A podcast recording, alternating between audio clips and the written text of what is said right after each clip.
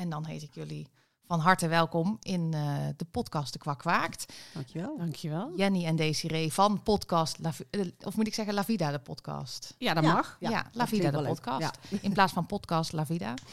Hartstikke welkom. Leuk dat jullie er zijn.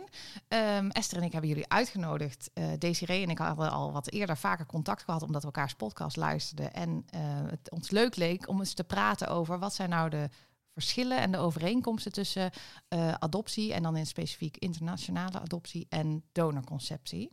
Ja. Dus daar gaan we het vandaag met elkaar over hebben. Superleuk. Ja. ja. We hebben er zin in. Ja. Leuk. Uh, ja, leuk dat jullie er zijn. Ja, zeker. Super. En ook leuk wat, wat ik merkte toen jullie binnenkwamen. Dat is van, oké, okay, wie is Jenny? Wie is deze ja. En dat jullie ook, ik zag jullie ook even kijken. Ja, dat is Esther, dat is Eefje. Ja, heel mooi met die stemmen. Ja, grappig hè? Ja. Ja, ik heb het nu wel door, denk ik. Nou, gelukkig. nou, en anders mag je gewoon fouten maken, mag je okay. gewoon. Dus dan noem je mij gewoon een keer Esther. Uh, nou, jullie vonden onze tune wel leuk, ja, hè? Dus uh, ja, dit gaat leuk. af en toe gebeuren. De kat gaat af en toe door het kattenluik. Maar ah, jullie ja. vonden onze tune wel leuk, dus ik zeg laten we gewoon daarmee beginnen. Yes.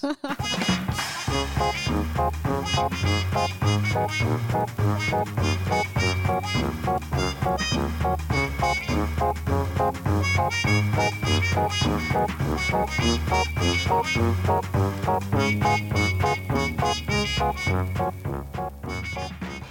beginnen natuurlijk uh, aan tegenwoordig, sinds het nieuwe jaar, uh, beginnen we altijd met het bedanken van onze nieuwe vrienden van de show. Ja, um, het zijn er weer een paar. Hè? Het zijn er weer een paar. Esther, aan jou de eer. Nou, we hebben Pieter Bas mogen verwelkomen. Leuk, Bas, leuk dat je welkom. er bent. Uh, Robin, Marianne, Melissa en Katie. Nou, allemaal hartstikke bedankt, want uh, dit, deze vrienden van de show die sponsoren ons dus. Um, en dat uh, waarderen we heel erg. Wil ja, je zij ons maken ook mede mogelijk dat, ja. wij, uh, dat we hier zitten. Hè? Inderdaad. Um, wil je ons ook sponsoren? Dat kan via www.vriendvandeshow.nl slash de streepje kwak streepje kwaakt. Yes. Nou, en dan hopen we volgende keer weer nieuwe vrienden te mogen verwelkomen. Dat zou hartstikke leuk zijn. Maar vandaag allereerst uh, Jenny en Desiree. Ja. Heel erg Hoi. welkom. Esther. Ja. Aan jou de eer. Oh, ik mag. um, nou ja, wie, wie van jullie twee wil beginnen? Wij stellen altijd de vraag: wie is je vader, wie is je moeder? Uh, wie ben jij? Wie is je vader? Wie is je moeder? Ja. ja. We, we, hebben wie twee gasten. Ja. We hebben twee gasten, dus even wennen. Vertellen wie ik ben dan. Ik ben uh, Jenny Kopier. Uh, mijn vader is Johan, mijn moeder is Joke. En ik heb natuurlijk nog uh, mijn ouders in Colombia. Wat wil je nog meer weten? Ja, nee, dat, dat, Straks nog veel Straks meer. Nog ja, meer. zeker. Ja. ik ben Desiree. Mijn vader heet Arie, mijn moeder heet Linda en mijn moeder in Colombia heet Maria. Kijk, ja, we stellen deze vraag altijd omdat het altijd even leuk weergeeft dat het bij ons wat uh, complexer en bij jullie dus ook wat complexer ligt, ja. zeg maar, dan, uh, dan voor de meeste mensen. Ja. Met, uh, met meer vaders en moeders dan, dan gebruikelijk. Ja. Hey, en jullie, jullie maken ook een podcast, hè? Want dat is eigenlijk uh, uh, uh, hoe, hoe, we, hoe we elkaar ontdekt hebben. Ja. Um, hoe, hoe hebben jullie elkaar leren kennen? Ja, via een forum, een adoptieforum, hè? En ja. dat is hoe lang geleden nu? Ja, wij zijn, waren allebei begin twintig. Ja. En we hebben elkaar uh, op een forum ontmoet waar je eigenlijk een soort van oproepje kon doen van hey, uh, forum voor geadopteerden om kennis te maken met anderen. En daar hebben wij elkaar gevonden. Een soort, uh, soort clubs op het net of zo, zeg maar. Zo'n, uh... Ja, wat had je startpagina? Vroeger ja? ken je dat ja, nog? Ja, ja oké. Okay. Hij had ook dus volgens mij startpagina.adoptie adoptie of zoiets. Ja. en daar had je een forum. En wij hadden volgens mij allebei de behoefte om uh, ja, in contact te komen met iemand die ook geadopteerd is. Ja. En we ontdekten wel al snel op dat forum dat het... Um, nou ja, de, de, mensen voor de rest niet heel erg aansloten bij onze behoeften. Maar gelukkig vonden we elkaar. Ja. En dat matchte gelukkig heel goed. En sindsdien vriendinnen. Oké, okay. hey, en, ja. wonen jullie dan bij elkaar in de buurt? Nee. Dat je elkaar makkelijk kan opzoeken? Helaas niet. Nee. Nee. nee. Jenny woont in de buurt van Rotterdam en ik woon in de buurt van Breda. Oké. Okay. Maar um, nee, eigenlijk... hierheen konden jullie wel carpoolen, want jullie zeiden dat jullie bij elkaar in de auto zaten. Nee hoor. Nee. Oh, nee. ik dacht dat jij zei. Net zei ik tegen Desiree in de auto. Ja, we waren aan het bellen. Ah. we hebben heel tijd samen zitten kletsen. Ja, oh, grappig. Dus ja. toch een beetje samen gereisd. Ja, ja, ja precies. Nee, nee, we, maar we vinden elkaar altijd wel. We maken tijd voor elkaar. We hebben, daar hebben we behoefte aan, dus uh, dat doen we. Ja, ja. want dat is, dat is natuurlijk dat is lotgenotencontact. Hè? Ja, dat is iets wat, wat in ieder geval, als het gaat over overeenkomsten en verschillen, uh -huh. En inmiddels natuurlijk veel meer dan uh, lotgenoten Ja. contact. Maar Ja. ja. ja, heel blij ook met zo'n vriendschap. Want ik hoor wel van um, andere geadopteerden dat ze dat missen. Hè? Dat ze gewoon iemand missen om hen heen met wie ze erover kunnen praten. En die begrijpt wat ze bedoelen. Precies. En, Ja, en eh, eh, niet alle lotgenoten, hè, niet alle andere geadopteerden of eh, donorkinderen zijn natuurlijk per se eh, mensen die bij je passen. Ja, Precies. Dus dan ook is het wel nog. fijn dat je iemand treft, eh, hè, zoals Esther en ik elkaar ook heel gezellig vinden. Ja. Toch, Esther? Hoe hebben jullie elkaar leren kennen dan? wij hebben elkaar eh, leren kennen omdat wij een beetje te activistisch werden voor eh, de... We hebben een geheime groep hè, van Ja. eh, donorkind. Ja. Ehm, Volgens mij mijn eerste confrontatie met jou was een keer dat je met vaderdag... Confrontatie Ja, ook ja, nee, maar, ja, nee, maar het was... spannend. Nou ja, de eerste keer... Ja, ja, jij kwam echt langs en dat was met vaderdag. Ging jij een soort van actie voeren, volgens mij, om eh, donorkinderen onder de aandacht te brengen. Dat is Oh, de ja. eerste keer dat ik jou dan ben tegengekomen Nou, in die groep, volgens mij. ja, tegenkomen Wat klinkt leuk. toch iets, iets Ja, gezelliger, ja, hè? Ja. ja.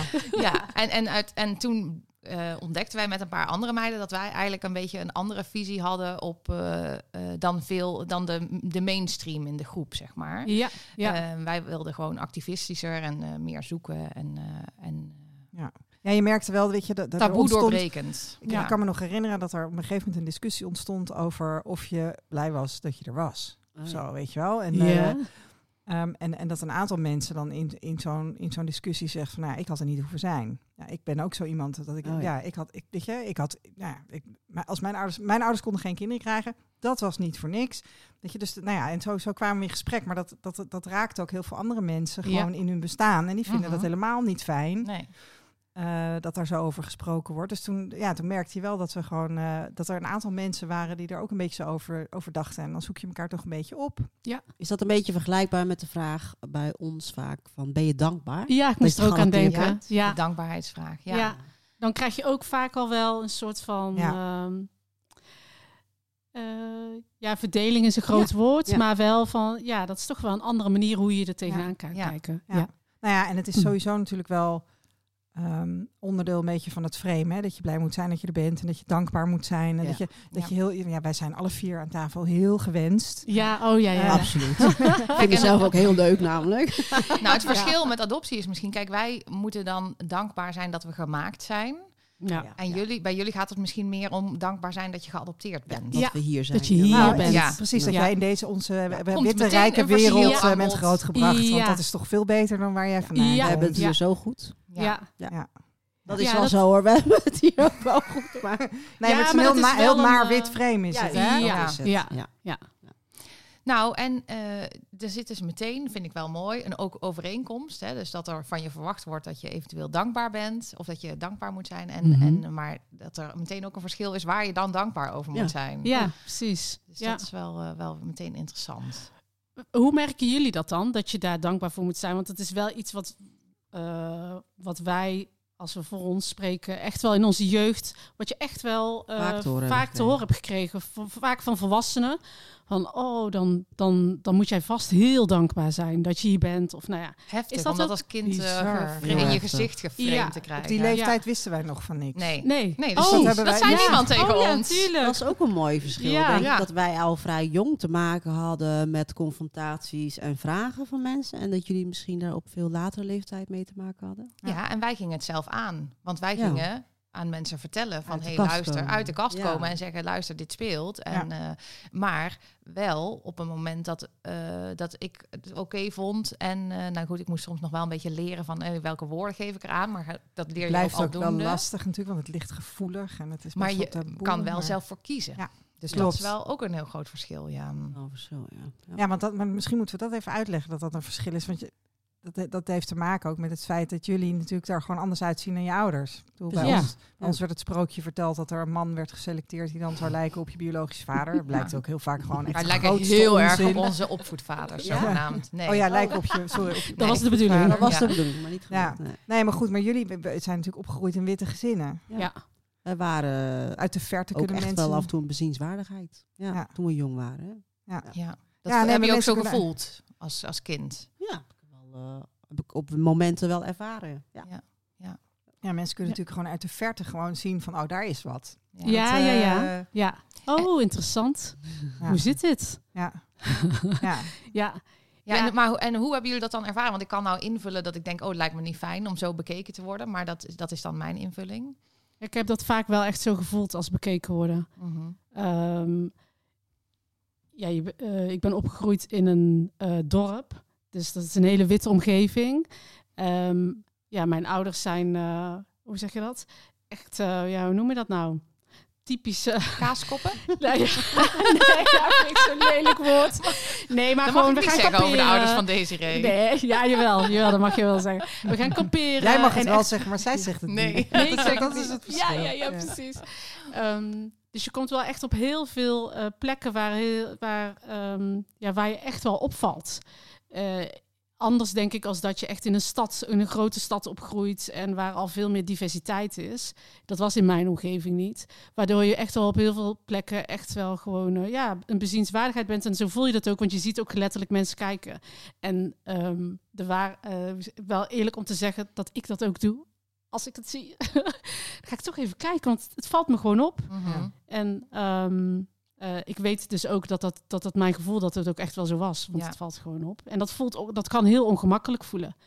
Maar dat is juist heel eerlijk, hè? want die mensen die zeggen van ik zie geen kleur, ja, dat, dat bestaat natuurlijk ook helemaal niet. Hè? Dat, Nee. eh, ja. Ja, ik snap, snap op zich wel wat ze ermee bedoelen. Maar ik denk ook dat wij, toen we jong... Tenminste, laat ik voor mezelf spreken. Toen ik jong was, wel vaak mezelf soort van ehm, een outsider voelde. Mhm. Eh, omdat ik me gewoon anders voelde dan de rest. Ik ben wel benieuwd of jullie dat ook hebben ervaren. Ik zou invullen van niet, maar dat... eh, ja, ik dus wel, inderdaad. Ik heb dus eh, echt als best wel jong kind ervaren dat het eh, dat ik dacht, nou, die vader die hier rondloopt, dat is echt mijn vader niet. Ehm, ik weet niet, ik denk tussen de zes en negen of zo. Oké. En, en met niemand besproken natuurlijk. Want je, ehm, en dan was het bij ons thuis ook niet zo heel gezellig, moet ik erbij zeggen. De band tussen mijn ouders was niet goed. En mijn vader was ook niet iemand die liefdevol of warm was of zo. Hè. Dus ehm, kan je ook nog zeggen dat het daaraan ligt. Ik heb geen wetenschappelijk onderzoek naar gedaan. Maar ik had dus echt het gevoel dat eh, van die man is mijn vader niet. En er gingen mensen ook nog, mijn moeder eh, of familie zei dan van ik leek dan op niemand. Mijn zus had krullen en donker haar, dus die leek dan op eh, de familie van mijn vader. En ik leek dan op niemand. En dan zei ze van dat ik van de melkboer was. Eh, en dan ging ik kijken naar de melkboer, want die kwam echt aan huis. En, eh, en dan dacht ik, nee, die is het ook niet, weet je wel. Dus ik, trapte, ik trapte daar dan ook weer niet in. Oh, ja. Nee. Maar, ehm, dus ik heb daar wel echt aan getwijfeld. Maar dat is ook weer weggegaan. Op een gegeven moment was ik daar dan weer niet meer mee bezig. Maar ik bedoel, voor mezelf, het stukje outsider voelen was niet zozeer in het gezin, maar meer buiten. Oh ja? Ja, dus Oh ja. gewoon eh, meer het stukje van waar hoor ik nou bij. Dus in de klas of met vrienden. Het was allemaal bijvoorbeeld andere kindjes zaten. Het waren ook andere kinderen uit een andere cultuur, maar dat was allemaal net niet zeg maar de cultuur waar ik in geboren ben. Dus Ja. het was het allemaal, het was het allemaal elke keer net niet of zo. Dus als jij eh, meer Colombiaanse kindjes in de klas had geweest, eh, had, was het anders geweest, Oh, denk dat je? had echt geweldig. Ja? geweest. Ja, ja. Ja. Ik weet het niet kans? Want Nee? als, nee, als ik. ehm, ik vind dat nu nog dat als ik met Colombianen ben die, eh, hoe zeg je dat? Gewoon wel bij hun familie zijn opgegroeid. Niet geadopteerde. Colombianen. Wordt het ook wel heel duidelijk Ja, dat wel je geadopteerd bent. En Ja, dat je dus ook heel veel dingen mist die je heel graag zou willen. Als het gaat om ja, de cultuur, het, eh, het gemis van je eigen cultuur en taal. En taal komt eigenlijk pas later aan bod dat je daarmee geconfronteerd wordt. Als je echt met mensen wil gaan communiceren. Maar het gemis van de cultuur is iets, denk ik, wat, als ik voor ons spreek, wat we heel lang hebben gevoeld, maar niet Ja. hebben kunnen benoemen. Totdat Mhm. je, als je ouder wordt en het mag gaan ervaren, ja. dat je dan voelt, oh, maar dit, dit is het dus. Ja, maar dat is, dit is natuurlijk ook gewoon echt heel verdrietig eraan, weet je. En ja. ik merk dat ik dan dat ik, dat ik een vergelijk probeer te maken. Hè? En dan heb, ik, dan heb ik een broer die is in Rotterdam opgegroeid en die blijkt een Amsterdamse vader te hebben. Nou, ho, Feyenoord, Ajax, weet je, maar dat is natuurlijk echt dat, dat, dat, dat, dat is totaal niet te vergelijken met inderdaad gewoon echt het verlies van Ja. je taal en je cultuur. En, en dat is volgens mij ook wel iets wat nu meer ehm, of bekender is en, en, en meer de overtuiging is ook hè, dat, je, dat je kindertjes dus eigenlijk niet moet weghalen uit hun natuurlijke omgeving. Of de, ja, de plek waar je vandaan komt. ja. Ja. Ja. Ja, het- ik denk dat, dat nu de, vol- dat de, ge- de eerst geadopteerden en zo, dat zijn nu volwassenen. En ja, nu kunnen wij kunnen vertellen dus hoe het was, hetzelfde voor Ja. jullie. ja. Ehm, ja, en dat dan wel blijkt dat dat toch wel echt meer met je doet dan, eh, ja, dan alleen maar liefde geven en dan komt het wel goed. Ja. Mhm. Ja, Maar ja, want dat is er ook ja. eentje. Alleen maar liefde geven en dan komt het wel goed. Dat is bij donorkinderen ook. Ja, dat en dat, dat is ook, ook met de nieuwste technieken waarmee je dus kindertjes kan maken.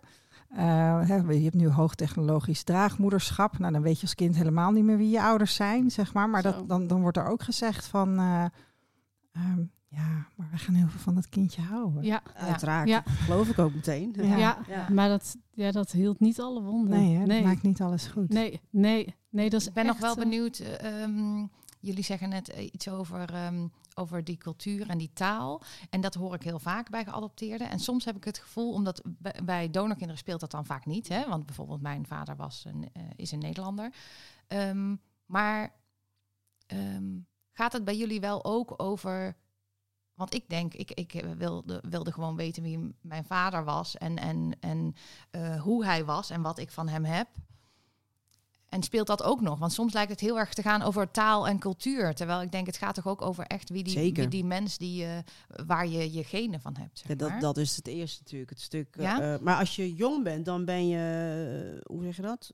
Denk ik, word je meer geconfronteerd met een stukje cultuur. Mhm. En als je wat ouder wordt, dan ga je wat meer denken van ja, maar wie is mijn vader, wie is mijn moeder, Ja, ja. waar lijk ik op? Ehm, omdat je als je bijvoorbeeld, eh, weet ik veel, 7, 6, dan is überhaupt de optie om te gaan zoeken, is, is niet echt een optie. Nee. Dus nee, en als je 6, 7 bent, dan zijn je ouders ook je ouders of zo. Hè? Dan accepteer je de situatie zoals die is, toch? Of er- ervaren jullie dat anders? Mm, Nou, ik was al wel echt heel jong dat, dat ik bewust was van het feit, ik ben geadopteerd en eh, mijn ouders zijn niet mijn biologische ouders. Ja. Ik weet niet precies hoe oud ik was, maar wel jong. En dat er nog ouders rondliepen. Ja. Ja. die- Maar op die leeftijd ga je niet denken, ik ga nu zoeken of zo. Nee, nee, dat nee. niet echt nee. Maar dat, ja.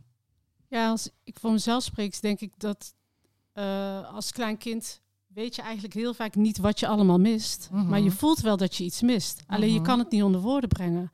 En ehm, op het moment dat ik, eh, als voor ons zijn wij dan geadopteerd uit Colombia. Dus toen ik voor de eerste keer in Colombia kwam, ehm, die ervaring van het land, de geur, de muziek, de mensen waar je eh, in wegvalt. Dus je, eh, je Je lijkt valt ineens niet meer op. Nee. je valt niet meer op. Nee.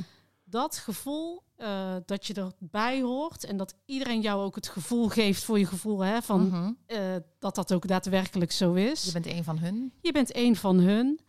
Het eten, alles bij elkaar eh, heeft voor mij dan wel heel, vaak heel veel puzzelstukjes zeg maar, op zijn plek gebracht. Zo van, oh ja, dus het is niet gek dat ik, dat ik bijvoorbeeld ehm, bij, bij ons in het dorp, eh, weet je wel, die buurtfeesten of die de dorpsfeesten, dat ik dat, daar heb ik, daar kan ik me gewoon niet in vinden. In, niet in, hoe zeg je dat, dat gevoel wat ik in Colombia krijg, Mhm. kan ik hier bijna nergens vinden.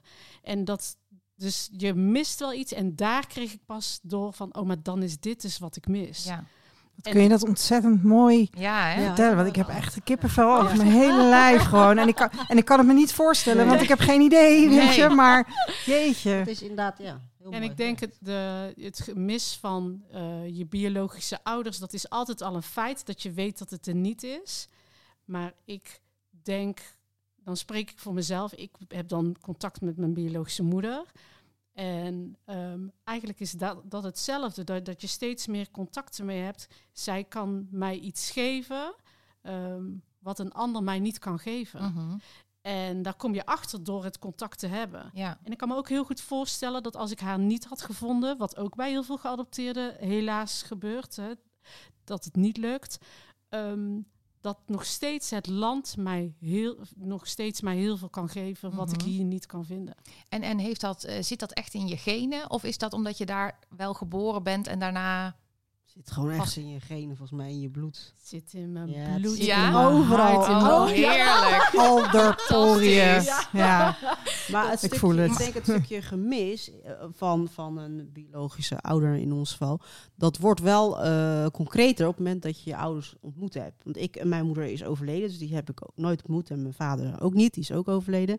Dus ehm, als je het hebt over missen, Mhm. is een heel ander eh, gemis. Want ik, ik, ik ken er natuurlijk niet. Ik Mhm. heb haar ooit gekend, maar ik ken, ik ken haar niet. Dus het, Mhm. eh, dat missen is, is zo anders dan een gemis van een persoon. In jouw geval nu, als jij nu hier bent, dan mis je je moeder.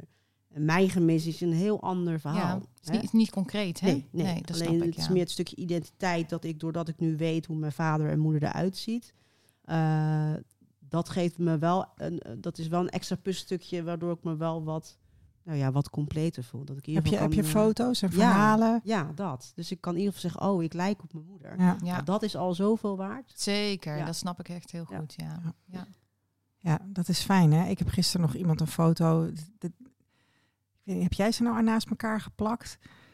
Iemand, iemand heeft dat voor mij gedaan, een foto. Ik heb hem wel een keer geplaatst met eh, dat ik naast mijn vader. En dan Mhm. heeft dan ook zo'n foute bril op en ik heb dan ook zo'n grote bril op. En dan, nou ja, ik heb dat aan iemand laten zien en die zegt dan, oh, wauw, ja, je lijkt echt op hem. En dan, nou, dat vind ik ook gewoon fijn, Ja, weet je, dat je ja. gewoon er, ergens Dat je dat ook kan zeggen. Ja. nou, en Ja. dat, ja, dat je dus ergens op lijkt. Ja, dat, ja, eh, dat ook ja. zegt, hè? Je Die foto heb ik gezien. Heb, staat het op Instagram? ja. Ja. Ja, ja, ja.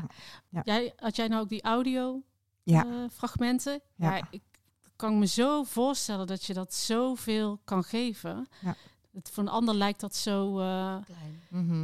Maar het is Ja. wel waardevol. Ja. Als- ja, geweldig. Ja. Dat heb ik bijvoorbeeld niet. Ik heb dan heel erg de vraag van hoe zou ze klinken? Mhm. Ja. Ja. dat snap ik, Ja. ja. Daar ga ik nooit achter komen. Nee. Ja, Nee, dat is verdrietig, hè? Ja, dat Ja. is heel Ja. verdrietig, ja. ja. Vind ik ook. Ja. Ja, dat is dus ook wel iets wat, ehm, wat dan ook wel eh, zowel geadopteerde als eh donorkinderen kan overkomen. Kijk, donorkinderen kunnen wel dichterbij zoeken vaak, hè? dat scheelt. Alhoewel dat straks moeten ze allemaal naar Denemarken. ja. En Portugal, en Spanje, en Oekraïne. Ja. ja. Ja, Zou dat nog uitmaken? Ehm, stel je voor, je zou uiteindelijk weten dat je vader uit weet ik veel, Spanje komt. Zou dat qua... ehm weet je, hadden het net over cultuur, hè? En- Of dat ook in je genen zit, die Spaanse cultuur. Ja, zou of je dat dan- dat toch Europa ja, is, zou dat dan voor jezelf gevoel uitmaken van ik mis een stukje dat Spaans of... Lijkt me wel. Ik denk het Ja. wel, ja. Ja. En ik denk gewoon, omdat je dan, stel dat ik nou zou ontdekken dat mijn vader Spaans was, of half Spaans, weet ik veel, dan, dan toch, ehm, ik, ik denk, je wil gewoon, tenminste, als je ermee bezig bent, niet iedereen, maar ik zou gewoon van mijn afkomst willen weten en me Ja. daarin eh, wentelen. En, eh, ja. dus ja, ik zou er dan iets mee willen. Maar je hebt natuurlijk ook mensen die daar, eh, die ge- zeggen van, nou, ik ben gewoon Nederlands en het interesseert me allemaal niet. Hè, Ja. Dat kan ook. Ja. Ja. Ja, ik weet zelf dat het, eh, voordat ik eh, zover was om naar mijn eigen adoptie te kijken, eh, keek ik vooral heel erg naar mijn man. Die is Indisch. En dat vond ik zo interessant. Heel die stamboom, inderdaad. Welke, welk bloed stroomt er allemaal door zijn aderen. Nou, dat was ook een aardige mix. En eh, dat vond ik al zo boeiend, omdat dat voor mijn gevoel een identiteit gaf aan nou ja, mijn kinderen onder andere, maar ook aan Mhm. Nu heb ik bijvoorbeeld zelf eh, ehm, een DNA-test laten doen en dan kan je dus ook je genetisch, of eh, hoe zeg je het, je etnische, ja, afkomst. ja, Waar je DNA nog meer voorkomt, Ja. is het, hè? Ja. ja, ja, ja, super interessant. Etniciteit. Ja, super. eh, en dat, Wat eh, was er interessant? Wat kwam eruit? Nou, dat ik de 50% eh Spaans Oh ja. eh, vond ik heel interessant. Er waren ook allerlei restjes ergens anders nog in Europa. Ehm, Afrika. Oh ja. Ik vond dat.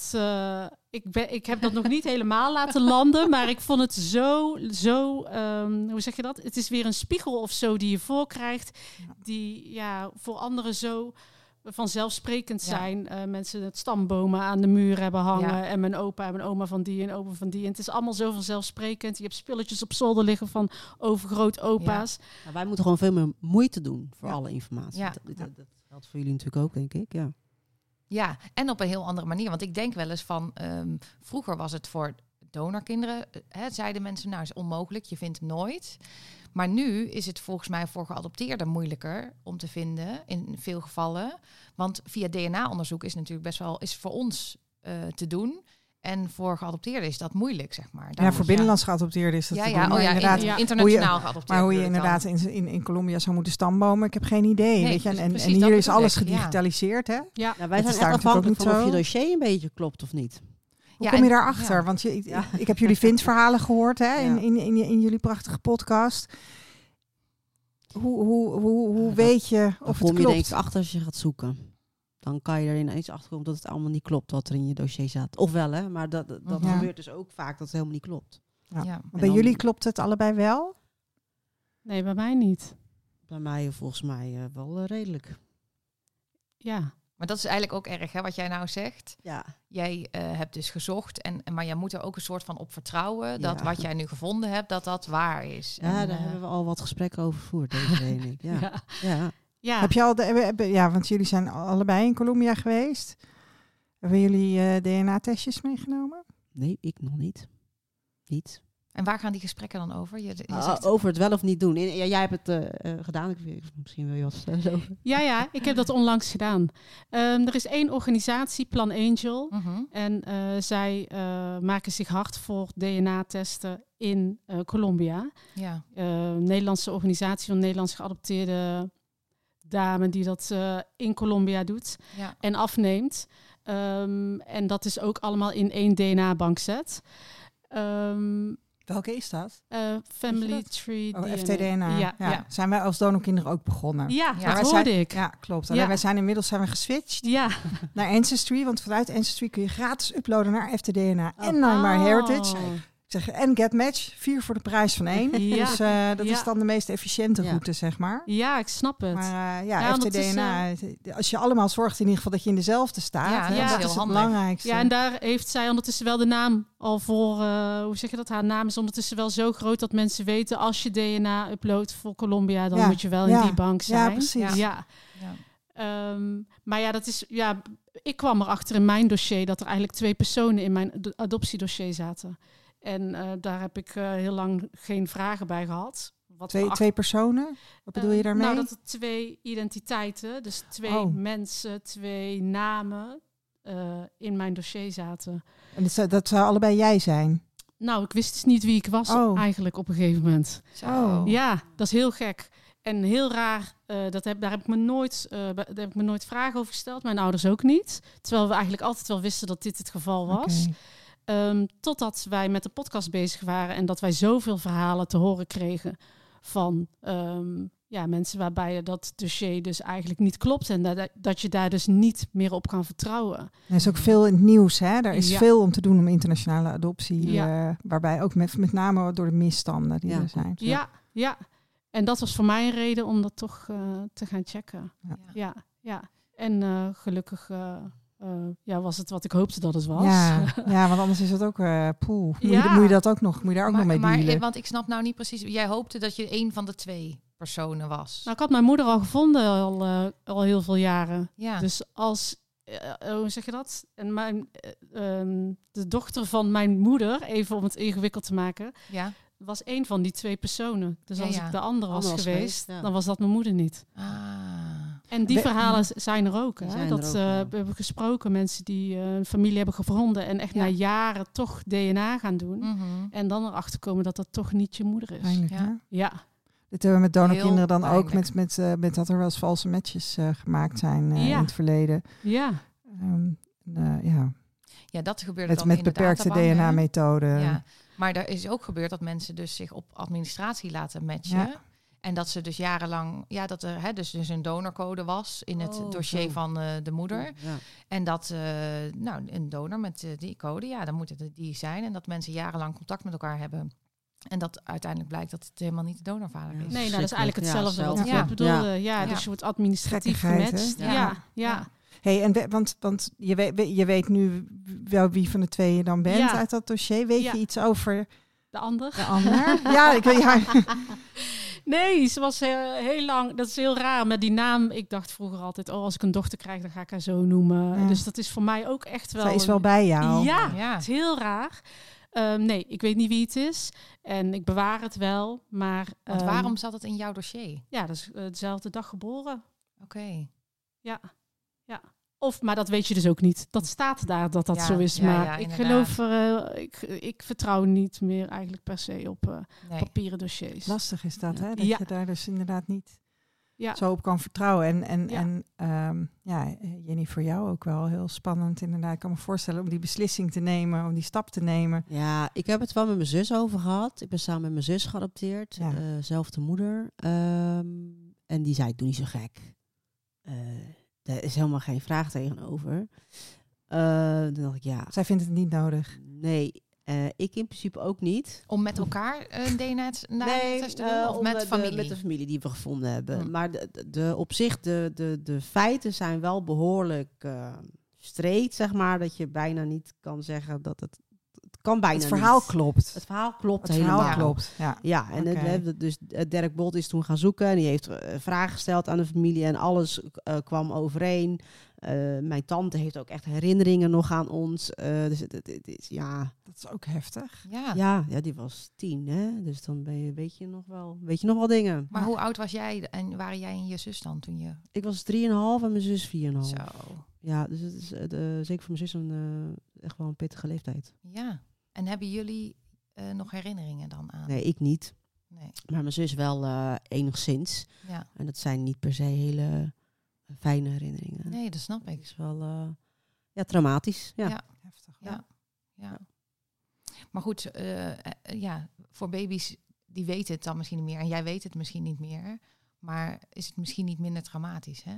Nee, ik denk niet dat het min- per se minder traumatisch is. Snap je? Ik vind, Kan wel minder maar je ziet zo'n kindje nou voor je, hè, van 3,5 of 4,5, dat je denkt, ja, dat kan je toch niet eh, weghalen?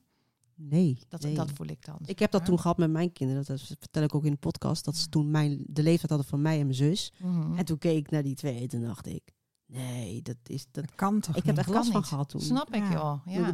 hoe dan? Dus het zijn al echt mensjes. Ja. Ja, dat is heel heftig hoor. ja, ik kan me voorstellen, hè? Want dan zie je pas hoe, hoe inderdaad het echt mensen zijn. Ja, En, dan hoe zie je het heel kwetsbaar ze zijn concreet. ook, Ja, hè? En ja. dan, eh, ja, ja.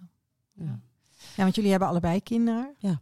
Hoe was dat, eh, hoe was dat voor jou, Desiree? Ja, toen die tijd weet ik nog wel dat ik, ik was zwanger en dat iedereen dacht, oh, nou, gaat ze het, eh, nou gaan we het meemaken. Als je, als je zelf kinderen Ja. krijgt en je bent geadopteerd, nou dan eh let ze. maar op. Ja. En ehm, ik was ook heel ongelukkig tijdens mijn zwangerschap. Niet omdat ik zwanger was, maar ik voelde me gewoon helemaal niet prettig. Ik eh, ja, had wel depressieve klachten. En ik weet wel dat dat, ehm, ja, dat dat andere mensen wel bang maakte voor wat er zou gaan komen. Ik wist van mezelf dat dat daar niks mee te maken had. En dat, eh, ik heb daar ook helemaal niet zo bij stilgestaan. Bij mij is het echt meer... ehm, mijn kinderen hebben mij echt gewoon eh, iets gegeven... eh, ja, wat ik nog nooit had. En dat was dus mensen die op mij lijken. Mhm. Ja. En Ja. eh, dat vond ik Ja. zo geweldig vooral. Ja. En dat was niet per se moeilijk voor mij. Nee, dat heeft eigenlijk meer. Dat was meer mijn eigen proces waardoor ik, waardoor, waar ik doorheen ging. Ja, waarbij ik dus vrij recent er veel mee bezig ben geweest. Maar dat heeft, naar mijn idee, niet zoveel te maken gehad met mijn zwangerschappen. Oké. Ik had ik kan wel me bij de eerste. Ik kan me voorstellen wat jij, wat jij zegt, Jenny, dat, dat, dat als je kinderen inderdaad die leeftijd krijgen waarop je zelf geadopteerd Ja. bent. Ja, en toen, toen ik de eerste kreeg, toen, toen ik echt net bevallen was, toen had ik die kleine in mijn hand. En toen dacht ik wel, zo, dat is een soort van bewustwording over een stukje hechting. En, en je verantwoordelijkheid als moeder. Dat je denkt, zo, dit, dit- die, die kleine die is van mij en ik, ik moet zorgen dat hij goed gehecht raakt. En, en weet ik, dan ga je er soort van meer over nadenken. Ja. En ook wel dat toen besefte ik wel, jeetje, je zal dan nu als moeder eh, je kind af moeten staan. Mhm. Want het, vaak is dat helemaal niet per se vrijwillig. Nee. Uh, dus dat, dat, dat besefte ik me toen ook wel even op. Dat het dus voor de moeders Mhm. het ook een verschrikkelijk trauma moet zijn geweest. uh, als Nou, het niet vrijwillig was. Dat denk ik ook, ja. En wat jij En als het wel die... vrijwillig was, hè? Ook. ook. Ja. Ja, dat denk ik ook. Het is ja. nooit 100% vrijwillig. Nee, precies. Dat denk ik, geloof ik ook niet. En wat jij zegt over die hechting, hè? van eh, je staat met dat babytje en je Ja. denkt, oeh, de- ik moet zorgen dat dit Ja. kindje goed gehecht raakt. Ja. Is dat, is dat voor je, was dat voor jou een extra opgave? Je was je er in ieder geval heel bewust van. Nee, ik denk niet een eh, extra opgave. Ehm, maar wel een, een- misschien een extra bewustwording dan bij iemand anders. Omdat je gewoon weet wat dat in, in een adoptieproces eh, eh, hechting wel een dingetje is. Ja. Want je, de- Mhm. je wordt onthecht eh, van je ouders en je komt in een nieuw gezin waar, waar je hoopt dat er een goede hechting plaatsvindt. Maar dat is natuurlijk gewoon een stuk ingewikkelder dan in een, in een biologisch gezin. Ja, in een, in een, in een natuurlijke situatie. Ja. Ja. Ja. En, en ehm, jij zei ook toen je al klein was, was je wel al bewust van. Hè? van nou ja, natuurlijk ben je bewust van, maar eh, er wel mee bezig. Ehm, en en waren, wat was het moment dat je dacht, ik wil hier iets mee? Of ik, ik ga zoeken? Of, eh, Ook heel jong hoor. Want Ik vond mezelf altijd heel wijs. Dus volgens mij was ik 16, 15, 16. Dat ik dacht, nou, dit kan ik wel aan gaan zoeken. Wauw. En toen zeiden mijn ouders, nou, het is wel heel jong. Eh, toen op mijn zeventiende, toen heb ik echt een brief geschreven. Toen dacht ik, nu ga ik het gewoon doen. Wat stoer. Maar het heeft nog drie jaar Ondanks dat je, ja, maar goed, je ouders hebben dus eigenlijk, want dat is wel ook een factor om rekening mee te houden. In ieder geval, eh, ik kan me voorstellen dat je ook met je ouders te maken hebt en rekening wil houden met hun gevoelens en wat ze vinden. Zeker als je puber bent. Ja, ja, nee. Ik denk dat je uiteindelijk als kind toch ook wel een soort van egoïstisch bent. Ja. Ehm, dus ik, eh, ik heb het overlegd en ze hebben me altijd erin gesteund. Hè, dus dat, eh, dat is wel belangrijk om te zeggen. Maar ja, ik snap een kind van 15, 16 als dat... eh, Als ik, nee, laat ik zeggen, toen ik 17 was, schreef ik die brief naar Spoorloos. Als het toen allemaal was gebeurd ook, weet ik niet hoe ik ermee om was gegaan. Dus ik ben achteraf blij dat het drie jaar later was. Oké. Ja, Ja, want die brief die is daar naartoe gegaan en jij werd drie jaar later werd Ja. je door ze gebeld, zeg maar. gebeld van, Ja. Had je niet meer gedacht? Dat kun, je, dat kun je horen in de podcast, hè? Ja, dus, eh, dat is Spoorloos hebben we het over, hè? Ja, Ja. Spoorloos, Ja, ja. ja. Ja. Dat eh, was drie jaar later. Ja. Maar jij ging dus pas heel laat eigenlijk. Zeg Vergeleken jij. met haar Ja. wel. Ja, ja, ja. Of pas heel laat. Ja, dat klinkt ook als Ja, een oordeel. dat bedoel ik niet zo. Maar nee, nou, later, eh, zei later. je zelf. Ja, ja, ja. Ja, ik wilde niet op tv. Nog Ja. steeds niet. Nog steeds niet, Nee. inderdaad. Nee, ik heb begrepen dat je Ja. dat nog steeds niet wil. nee, spoorloos was voor mij ook echt geen optie. Dat was, ja, dat, eh, nee, daar dacht ik niet eens verder over na. Nee. Maar dat is toch ook eigenlijk vreselijk, hè? Dat dat als geadopteerde dan je enige optie soort van eh, toen was. Ja, Ja. ja. Nee, Dan, maar dan moet dat- je met je kop op televisie. Ja. Terwijl, eh, ja, Ja. als je dat niet wil, dan, eh, eh, ja, dan moet je dus... eh, dan vind je je ouders niet. Ja. Nee. Ja, Zo was je- het toen. Ja, klopt. En nu kan je dit als wel op andere manieren doen. Ehm, ja, in mijn tijd, ik denk, ik ben, het is wel eventjes Heel oud. Welke tijd spreken we eigenlijk van? Ehm, Ja, was 4, 25 toen niet. ja, Ja. En je bent ik nu? ben nu 39. Oké. Moeilijk om te zeggen, hè? ja. Volgend jaar is het misschien nog moeilijker. Ik ben 49, dat is nog erger. Ja. Nou ja, toen eh, heb ik zelf eh, het tehuis benaderd waar ik eh, eh, verbleef in Colombia. Oh ja. En zij hebben mij daarin geadviseerd hoe ik dat zou kunnen doen. En uiteindelijk met een soort van eh, ja, private investigator. eh, ja, die moet je dus betalen. Dus je moet dan wel zelf eh, Geld dat hebben kunnen betalen. Ja, dat is Ja. het. Eh, gelukkig hebben mijn ouders mij daarbij willen helpen. En ehm, nou ja, eh, zo eh, gezocht en vrij snel Ja. gevonden. Maar vind ik toch niet zo heel laat. Jij zei, maar je bedoelde misschien dat je er later open over bent gaan spreken. Want Ja, want ik daarna... vind 24, 25 vind ik helemaal Nee, niet super laat eigenlijk. Nee, maar toen ik terugkwam was het ook niet de bedoeling dat mensen daarna gingen vragen. Nee, dat was mijn eigen reisje. Mond zeg maar. houden. Ja. Oh, wauw. ja, ik heb dat ook met niemand foto's gedeeld. Of, eh, Heftig Met niemand? nou, niemand, ehm, misschien twee vriendinnen of zo. En eh, nou, mijn ouders. En, maar dat was niet, het was niet de bedoeling dat mensen daarvoor in mijn fotoboek kwamen kijken. Nee, Nee. nee. En, dat was en- echt van en, mij. En wat maakte dat je dat niet wilde? Dat is echt van mij. Dat is mijn, mijn, dat, dat is zo. ehm, ik ben zo gewend al heel mijn leven dat mensen doorvragen en mensen zo nieuwsgierig zijn en dat mensen in hun vragen daar voel ik, daar hoor ik vaak een oordeel in. Of dat zo is, weet ik niet, maar dat is dan mijn eigen gevoeligheid. Ehm, en ik wilde dat zo beschermen dat ik niet wilde dat iemand daar iets van vond Ja. omdat het zo eh, kwetsbaar is. En ik wist zelf gewoon niet zo goed hoe ik dat nog, zeg maar, moest ja, ownen. Of, eh, ja. Mhm. Hoe je daarmee om moest gaan misschien ook, hè? ja, dat was mijn manier hoe ik ermee omging. Ik dacht, dit is van mij, daar hoeft niemand Ja. verder iets van te weten. Dan kunnen ze er ook niet naar vragen en dan kunnen ze er ook niks van vinden. Heeft dat Ja. ook te maken met wat jij zei van dat, dat, dat er ehm, eh, dat, dat jij bent, jij bent eh, een, een kind van jouw biologische ouders, maar die hebben meer kinderen. En dat je dus ehm, eh, jij, bent, jij bent eentje uit de rij, zeg maar, en jij bent geadopteerd. En, niet iedereen is geadopteerd. En Nee. dat, dat, daar, daar hebben mensen dan vragen over. Ja. Hè? Daar gaan mensen Ja. vragen over stellen. Ja. En dan ehm, ehm, op het moment dat mensen daar vragen over stellen, dan, moet, dan, dan heb jij. Heb je dan het gevoel dat je dat moet verdedigen of dat je uit moet leggen? En is dat, is dat onderdeel van het, Ja, dat het van jou is en jouw afgestaan. Ja, Ja. waarom ik ben afgestaan. waarom jij wel en, eh, en, en andere kinderen niet, want Ja. ik heb broer en zussen. Ehm, ja, dat ik me moet gaan verantwoorden voor iets wat niet mijn keuze is geweest, Mhm. maar wat, ehm, ja, wat echt wel, eh, hoe zeg je dat? Wat een traumatisch verhaal is en een traumatische ervaring binnen de familie, waardoor ik niet, waar, waar vind ik eigenlijk uit respect naar mijn familie daar ook niet heel, eh, hoe zeg je dat? Dat aan de Grote klok wil hangen. grote klok wil hangen. Dat gebeurt daar ook niet. Nee. En ik voel mij het prettigste bij om dat dan niet te delen. Ja. Wat heel lastig is, want nu ben ik er dus veel meer open over. Maar uh, daarmee zet ik ook meer de deur open voor, ja, voor vragen. En het is, uh, ja, het, ja, het geeft mensen nog niet het recht om dan maar alles te mogen vragen en alles te mogen weten, vind ik. Nee, en dat vind ik wel een beetje, dat is ook wel, daar hadden we het ook al over, um, uh, bij geadopteerden. Ik weet niet of dat dan, in ieder geval bij internationaal geadopteerden, is dat er een, uh, ja, iets omheen hangt waarbij mensen echt wel door mogen vragen. Het is geen, voor mij voor, geen onderwerp waar een grens aan ligt van tot uh -huh. zover en niet verder. Dus het taboe of zo, dat, dat voel ik niet. Het is meer een, uh, nou, een algemeen goed waar je alles over mag vragen. Ja, is gewoon heel terwijl het over jouw persoon ja. gaat. Het is ja. over mijn persoon en niet per se een, uh, hoe zeg je dat? Het is misschien wel een happy ending, want ik ben happy en je ziet een, een spontane meid die makkelijk kan praten. Dus dan denk ik, oh, maar er zit, het, het begin is, uh, hoe zeg je dat?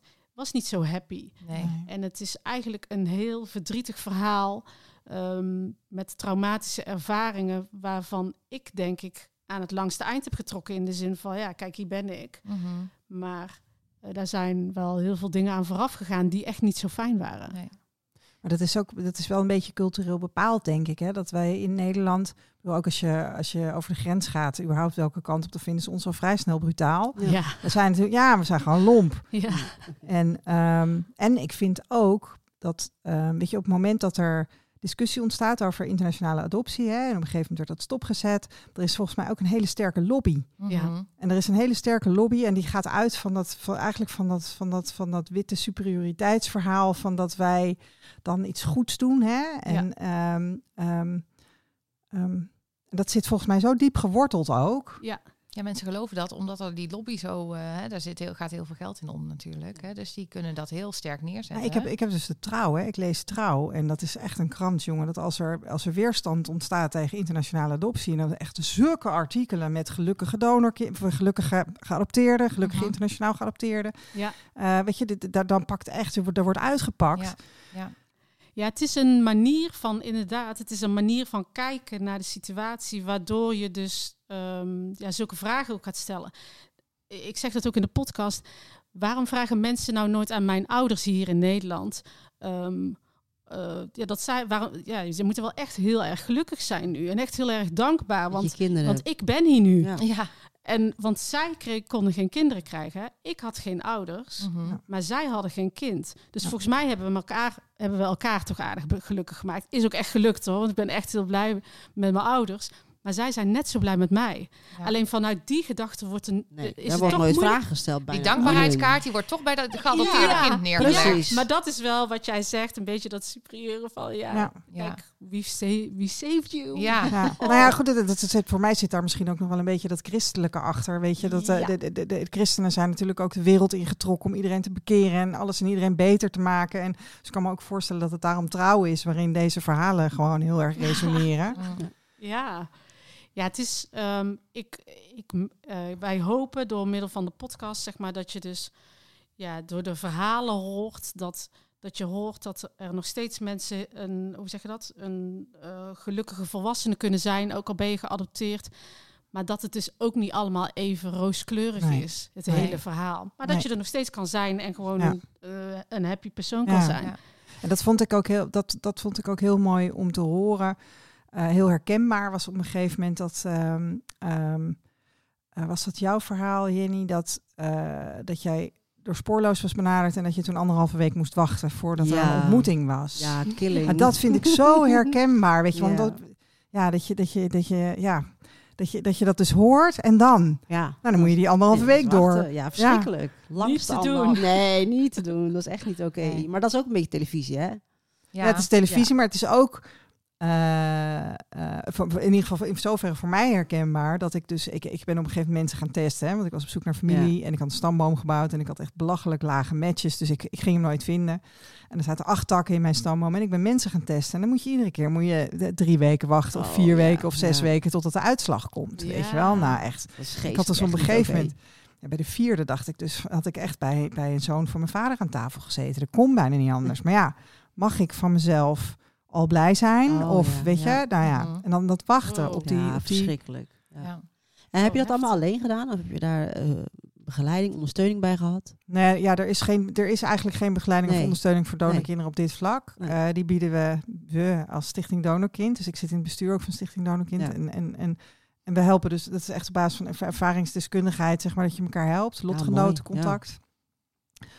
Ehm, dus dat is ook wel mooi, want ik help ook mensen bij zoektochten. En ehm, nou ja, daar kom je natuurlijk altijd op punten die heel herkenbaar zijn. En eh, je vindt vaders, maar in de tussentijd, als het, als het mee zit, ben je er ook gewoon voor mensen dat ze hun verhaal kwijt kunnen. Ja, dat is denk ik heel mooi. Want dat, heb je wel nodig, denk ik, die ondersteuning, toch? Ja. gaat zoeken, ja.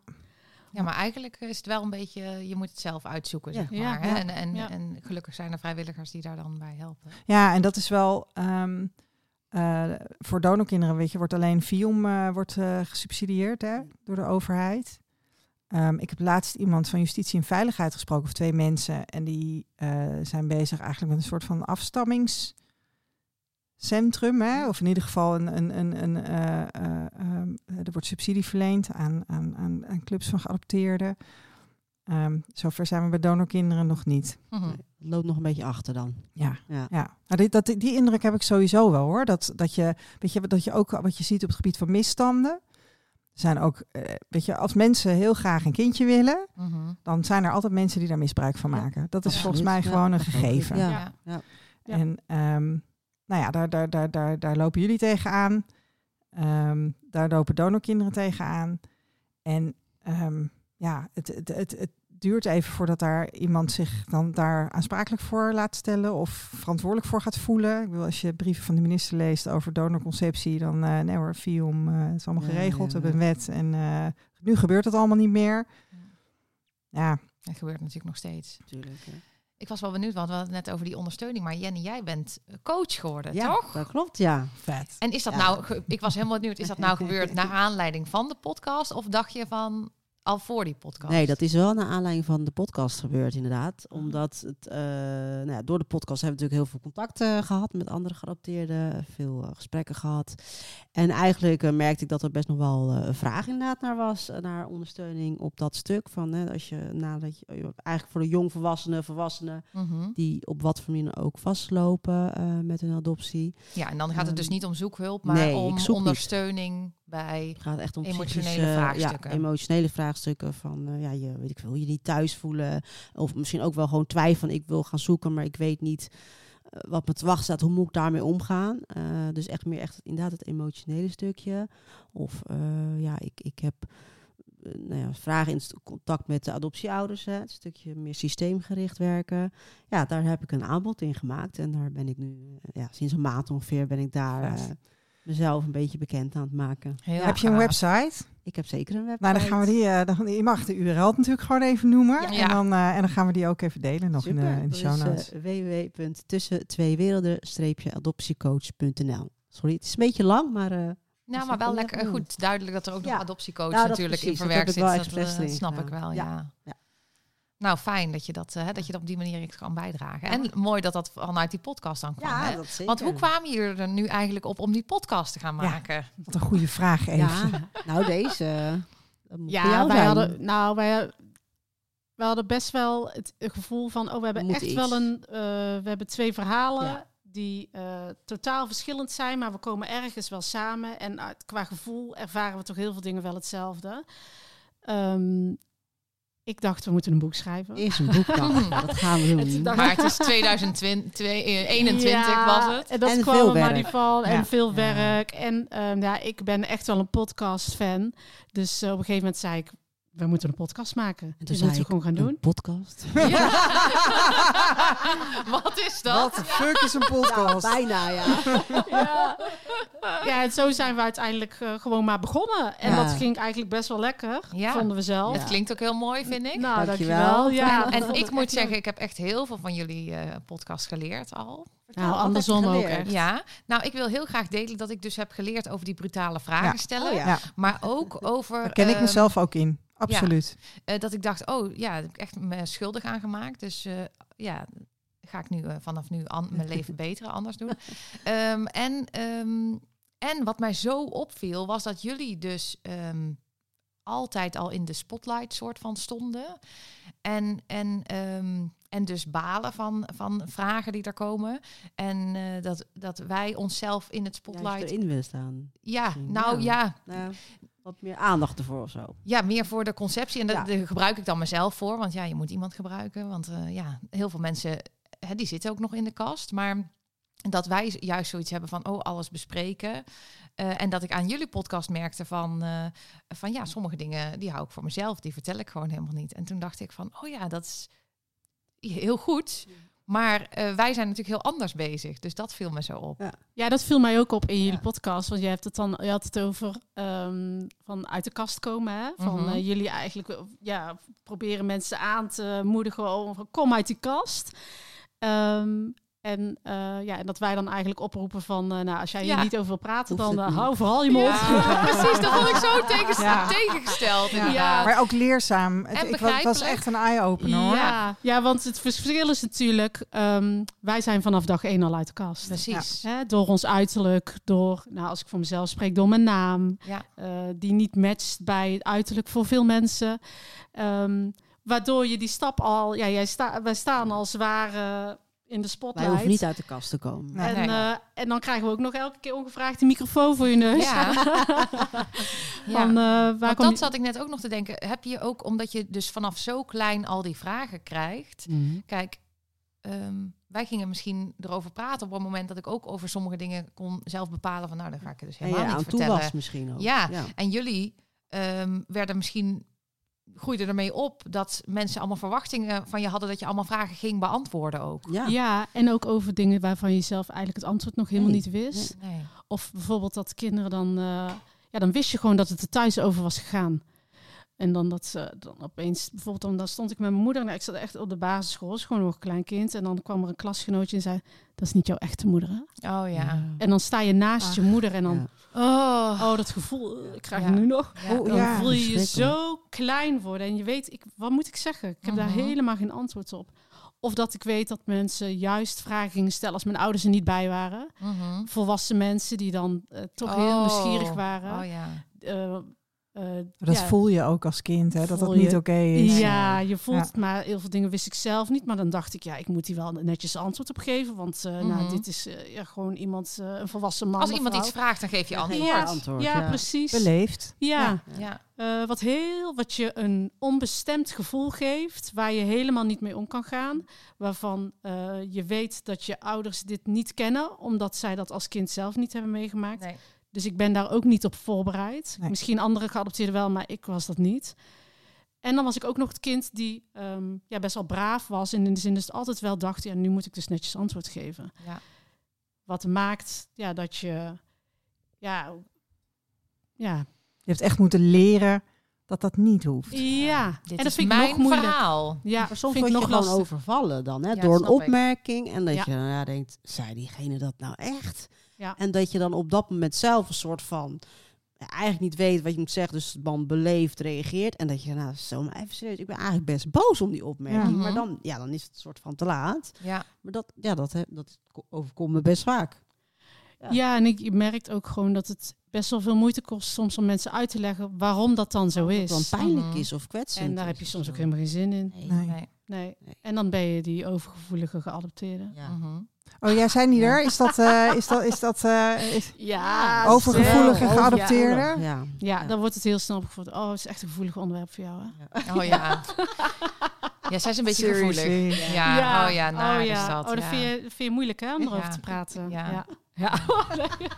Ja. Ik heb een podcast, Ja, hallo. hallo, Ja. luister maar naar de podcast. Ja. Ja, Nou, maar dat is wel mooi, hè? Dat je met, dat door die podcast ook gewoon eh, ook gedwongen wordt om je er echt over uit te spreken. Ja. Althans, ik bedoel, als je eraan begint, Ja. dan moet je het afmaken. Dus nou ja, ik vind, ik vind dat jullie dat ook echt heel mooi doen. Weet je, en op een hele.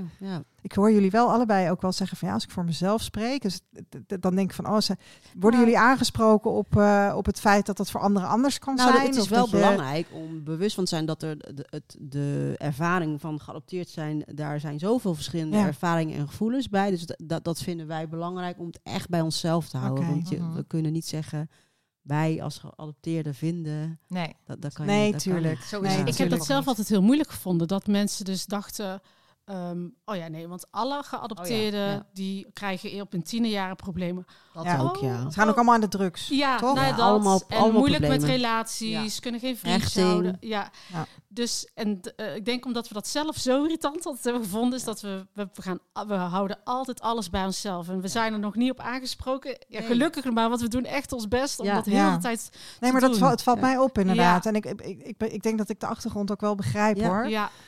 Het, Ja. Dit wordt ook zo anders beleefd. Net als Ja. met onze Iedereen, stellingen. ja. Er Mhm. was geen enkele stelling die we dan deden via de podcast. Deden Ja. we stellingen om Mhm. te kijken wat de meningen waren. Ik ging reageren altijd. Ja, leuk. weer Superleuk. maar er was nooit eigenlijk een stelling eh, van waarbij je echt duidelijk wat van oké, dit is echt een, eh, een algemene mening van een geadopteerde. Nee, Nee, het- dat was wel bijzonder om te ja, lezen. dat vond wordt ik. heel Ja. anders beleefd. En dat zet ons ook weer aan denken. Precies. Ja. Ja. dat is ook zo. En dat, dat, dat, dat maken wij natuurlijk ook mee. Hè? Dat eh, Zeker. eh, niet iedereen eh, is eh, boos donorkind. Nee, Eh, alleen wij.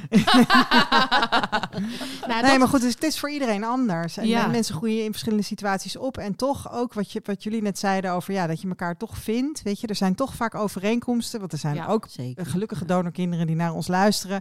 Want er is toch gewoon her- herkenning. Weet je, er zijn gewoon thema's. Onbekende familie. eh, eh, misschien het hebben van veel broers en zussen. Weet je, ja, da- ja, kan eh, bij ons ook eh, van de dokter bent, whatever. Nou, en dat komt wel denk ik een beetje overeen met wat jullie zeggen. Ehm, ik, ik vind het ook vervelend als mensen een beetje doen alsof ik gewoon eh, problemen maak. Oh ja, Zeg maar, hè? ja. Want, want er zijn ook, eh, ja, iedereen moet het zelf weten. Hè? Mensouders nog steeds, denk ik, eh, nee. Ehm, en eh, want er zijn dus mensen die hier helemaal niet oké mee zijn. Maar Maar dat- mensen kunnen er gewoon, gewoon niet meer goed over nadenken. Als je, als, je, als je op een punt bent beland dat je in een tunnel zit en, de, en Ja. de uitkomst is een kind en niks anders, dan kun je niet meer helder, fris Nee. denken Daar hebben over. mensen dus hulp bij nodig. Maar die Nou ja. hulp is er niet. De enige hulp is dat kind maken of halen ergens. En, eh, maar ik vind dat dus ook wel lastig als mensen dan doen alsof ik het probleem ben. Hè? Dat, eh, want er zijn ook mensen die het helemaal niet... was mijn schoonmoeder nog een keer... zijn ook donorkinderen die het helemaal niet erg vinden. ja, Oh ja. nou, Ja. voel je je meteen... prima? Ja, dan weet je al. Eh. Dan denk ik, ja, ik ga Ja. naar huis. ja. Ja. Nou, wat ik denk is, eh, en ik hoop dat, dat, dat wij dat ook doen, maar wat ik heel leuk vind, eh, jullie zijn super eerlijk over ook je privé situatie. Hè? Dus Mhm. de dingen waar je tegenaan loopt, je geeft echt je mening. En hoe jullie dat vertellen is. ehm, ik kan me voorstellen dat als je luistert en je bent misschien eh, vrij neutraal als donorkind, dat, je, dat het je misschien ook helpt om naar je eigen situatie te kijken en misschien er een iets uitgesprokener mening over te maken. Tenminste, ik merk dat bij mezelf, doordat wij erover praten in onze podcast, dat mensen zeggen, ja, het zet me toch wel aan het denken. Ik, Mhm. ik eh, ben ook geadopteerd en eh, ja, jullie stellen wel kritische vragen. Het heeft Ja. me wel aan het denken gezet. En niet om mensen te overtuigen, Nee, helemaal zeker niet. Maar wel laten Helemaal nadenken. Laten Ja, nou ja, nadenken van wat is, nou, Ja. wat is hier nou feitelijk en Ja. wat is Ja. hier nou feitelijk? En waar, en waar Ik heb je zelf ook Ja. behoefte aan? Dat hè? het, want ja. want dat je, je kunt dus inderdaad in zo'n frame belanden en dat mensen dan... Hè, dat, dat, dat- nou ja, inderdaad dat je gewoon blij en dankbaar... En Ja. ik, ik heb ook heel lang gezegd als mensen vroegen van... Oh, wil je niet op zoek? Zeg ik, nee, ik heb een vader. Ja. Mhm. Dat heb ik heel lang echt Ja. gewoon... En, en, en, pas... Ja, eh, eh, zes jaar geleden eh, zei iemand tegen mij van... Hé, hey, maar als je, als, stel nou dat je een keer nog iets zou willen met zoeken... dan is dit wel het moment. Ja. En dacht ik, oh ja, kut. Ja, nee, Ja. dat- ik, ik wil toch wel heel graag weten wie het is. Het is weet je inderdaad die behoefte van. Ja. Want dat Ja. hoor je ook vaak bij als sommigen zeggen, ja, maar ik heb helemaal geen eh, behoefte om te zoeken. Ja, maar dat is helemaal goed. Het gaat, weet je, Ja. wij, wij- in onze podcast gaat het er ook niet om of eh, adoptie wel of niet goed is. Eh, het gaat echt om ons verhaal en dat sommige anderen die daar misschien wel echt wel wat aan hebben qua Ja. Herkenning. Maar ik vind het wel Ja. grappig dat ik soms toch iets van een mening wel tussendoor hoor. Tussen de regels. Tussen de regels. Ja, Ja. nee, Maar maar, het is wel ook gewoon echt ja. een aanrader, ook voor donorkinderen. Hè? Want er zitten ook gewoon echt wel he- her- ja, dingen in waar, je, waar ik in ieder geval heel veel bij voel. Ja, eh, ja. Dat als ook, ik naar jullie maar luister. eigenlijk voor alle mensen, omdat ik, Ja. jij ook, wij allebei zoveel van geleerd hebben over eh, je te verplaatsen in, in een ander, zeg maar. Hè? In jullie dan in dit geval en, en geadopteerd in het algemeen. En, eh, Ja, en andersom. Echt waar anders. Ik zei, want ik vertel dus vaak over mijn DNA-testje die ik gedaan heb. Dus, oh ja, maar ja, dat is niet voor mij natuurlijk. Ja, dat is voor internationaal. Nee, nee. no, no. Bam, dat doen. en dat heb ik van jullie geleerd. Want dat Ja. was daarvoor... Nou, dat, Nee, dat wist je niet, Nee, hè? dat wist ik niet. Nee, dat is echt fijn. Dus leuk dat Ja. we elkaar zo... eh, Hey, en weet je wat ik ook nog wil aanstippen? dat eh, jullie zijn, eh, ja, jij zegt al, wij zijn heel eerlijk. Hè? Dus wij zijn niet altijd positief en ook niet altijd positief over eh, onze ouders. Hè? Eh, en jullie zijn super lief. Hè? Dat is ook nog wel een heel groot verschil, vind ik, aan onze podcast. Ja, Ja. ja. Maar, maar jullie zijn ook echt, echt heel blij, hoor ik aan jullie, hè? zoals jullie het vertellen met jullie ouders. Maar zijn jullie ook wel eens kritisch naar hun? Of mag ik dit niet vragen? Je mag Oh, zeker hè? Zeker. Eh, nou, ik, we hebben wel erover gehad in het begin. In hoeverre praten we überhaupt over onze, onze ouders en over zus, broer. Eh, en toen hebben we wel gezegd, we vinden het wel belangrijk om het zoveel mogelijk over onszelf te hebben. Mhm. Want wij maken de keuze om eh, de podcast te maken. Ehm, dus we, hebben daar, we maken daar wel wat meer bewuste keuzes in. In hoeverre praten we over onze ouders in de zin van wat we, hoe zeg dat, Eh, wel of niet goed vinden of wel of Ja. niet leuk vinden aan Ja. onze ouders of zus. Dat hebben we wel, ja, maken wel bewuste keuzes in, toch? Ja. Ja. Ja, en ik denk wat ik wel als voorbeeld kan geven. Ja, dat doe ik ook bewust. Ik vind niet dat ik dat, dat ik, eh, hoe zeg je dat? Ja, het voelt voor mij ongemakkelijk om eh, hun daarin te betrekken. Mhm. Ehm, maar om een voorbeeld te geven, ja, we hebben, met mijn ouders heb ik best wel, hoe zeg je dat? Eh, gesprekken, en dat kunnen hele kritische gesprekken zijn. En ik merk eigenlijk eerder dat hun kritische naar zichzelf zijn. Ja. Ehm, wat voor mij dan niet per se eens zo zou hoeven. Maar misschien dat dat wel maakt dat ik daardoor dat gevoel blijf houden naar hun toe. Omdat ik zie dat ze zelf zo kritisch naar zichzelf kijken. Ja. Als adoptieouder is ehm, dit hele proces wa- landelijk gezien, hè, waar Nederland doorheen gaat als het gaat om adoptie, is ook heel pittig. Ja. Kan heel pittig zijn Ja. als het Mhm. jezelf aantrekt. Ja. Ja. En ehm, dat zie ik wel gebeuren bij mijn ouders. Ja. Het gaat natuurlijk over een grote groep mensen. Ja. en het gaat dan ook over jou als dat in het nieuws is. En, Ja, Ja. Nou, en ze Ook als het het ook confronterend. Mijn ouders vonden, maar jouw ouders ook wel sommige afleveringen. Om te horen wat wij dan zeiden. Oh ja? ja. Dat ja. al, terwijl Oh, jullie zo podcast lief zijn. Ja, Ik heb niet de indruk dat onze ouders luisteren. even. Nee? Nou, mijn moeder heeft in het begin geluisterd, hè, maar die is op een gegeven moment gestopt. Eh, want die vond ze natuurlijk niet meer leuk. Oh. Oké, Want ja, ik, ik, zeg ook, ik zeg ook dat zij, zij liegt dan nog steeds over dingen. En, en zij, wij zijn het daar niet over eens. Zij, zij vindt dat zij mij niet de waarheid vertelt. Heel groot verschil. Ehm, en, en ik vind dat zij dat eh, anders zou moeten doen. Ja. Ehm, dus ik voel soms dat wij dan wat activistischer zijn. Als ik het, Dat zou kunnen. vind, wat wat Ja, denken dat- jullie dan als ik dat zeg? Ja, dat Ja. snap ik wel, Ja, dat je dat snap zegt. ik wel, ja. En, en dat is ook ten koste soms eh, van eh, onze ouders. En dat eh, ergens eh, vind ik dat voor mijn mo- moeder in persoon vervelend. Maar ik Mhm. heb echt daarmee dan een, en een groter doel. En ik denk gewoon, wat, wat jij vertelde over jouw ouders, als, als eh, er zelfkritiek is, als er re- reflectie is, ja. dan, ehm, dan kan je als, als kind ook zeggen van ja, maar ik neem het jou persoonlijk niet kwalijk, maar fijn dat je ziet dat het niet allemaal oké was Ja. of Ja. zo. Hè? Of dat het eh, dat je misschien met goede intenties hebt gedaan, maar dat, Ja, dat is het eh, ook. Ik het neem niet mijn altijd ouders goed niet, is niet uitgepakt. kwalijk dat Ja. ze de keuze hebben gemaakt om te... Op, nee, ik neem ze dat niet kwalijk. Nee. Nee, precies. Maar ik denk ook dat het wel een verschil is. Ik bedoel, er zijn ook genoeg kinderen die ehm, eh, erachter zijn gekomen dat er dingen zijn echt, eh, hoe zeg je dat, fout zijn gegaan, waardoor zij dus de kan- waardoor de kans van hun is ontnomen, bijvoorbeeld om hun biologische ouders überhaupt te gaan zoeken of om, Ja. om te vinden. ja.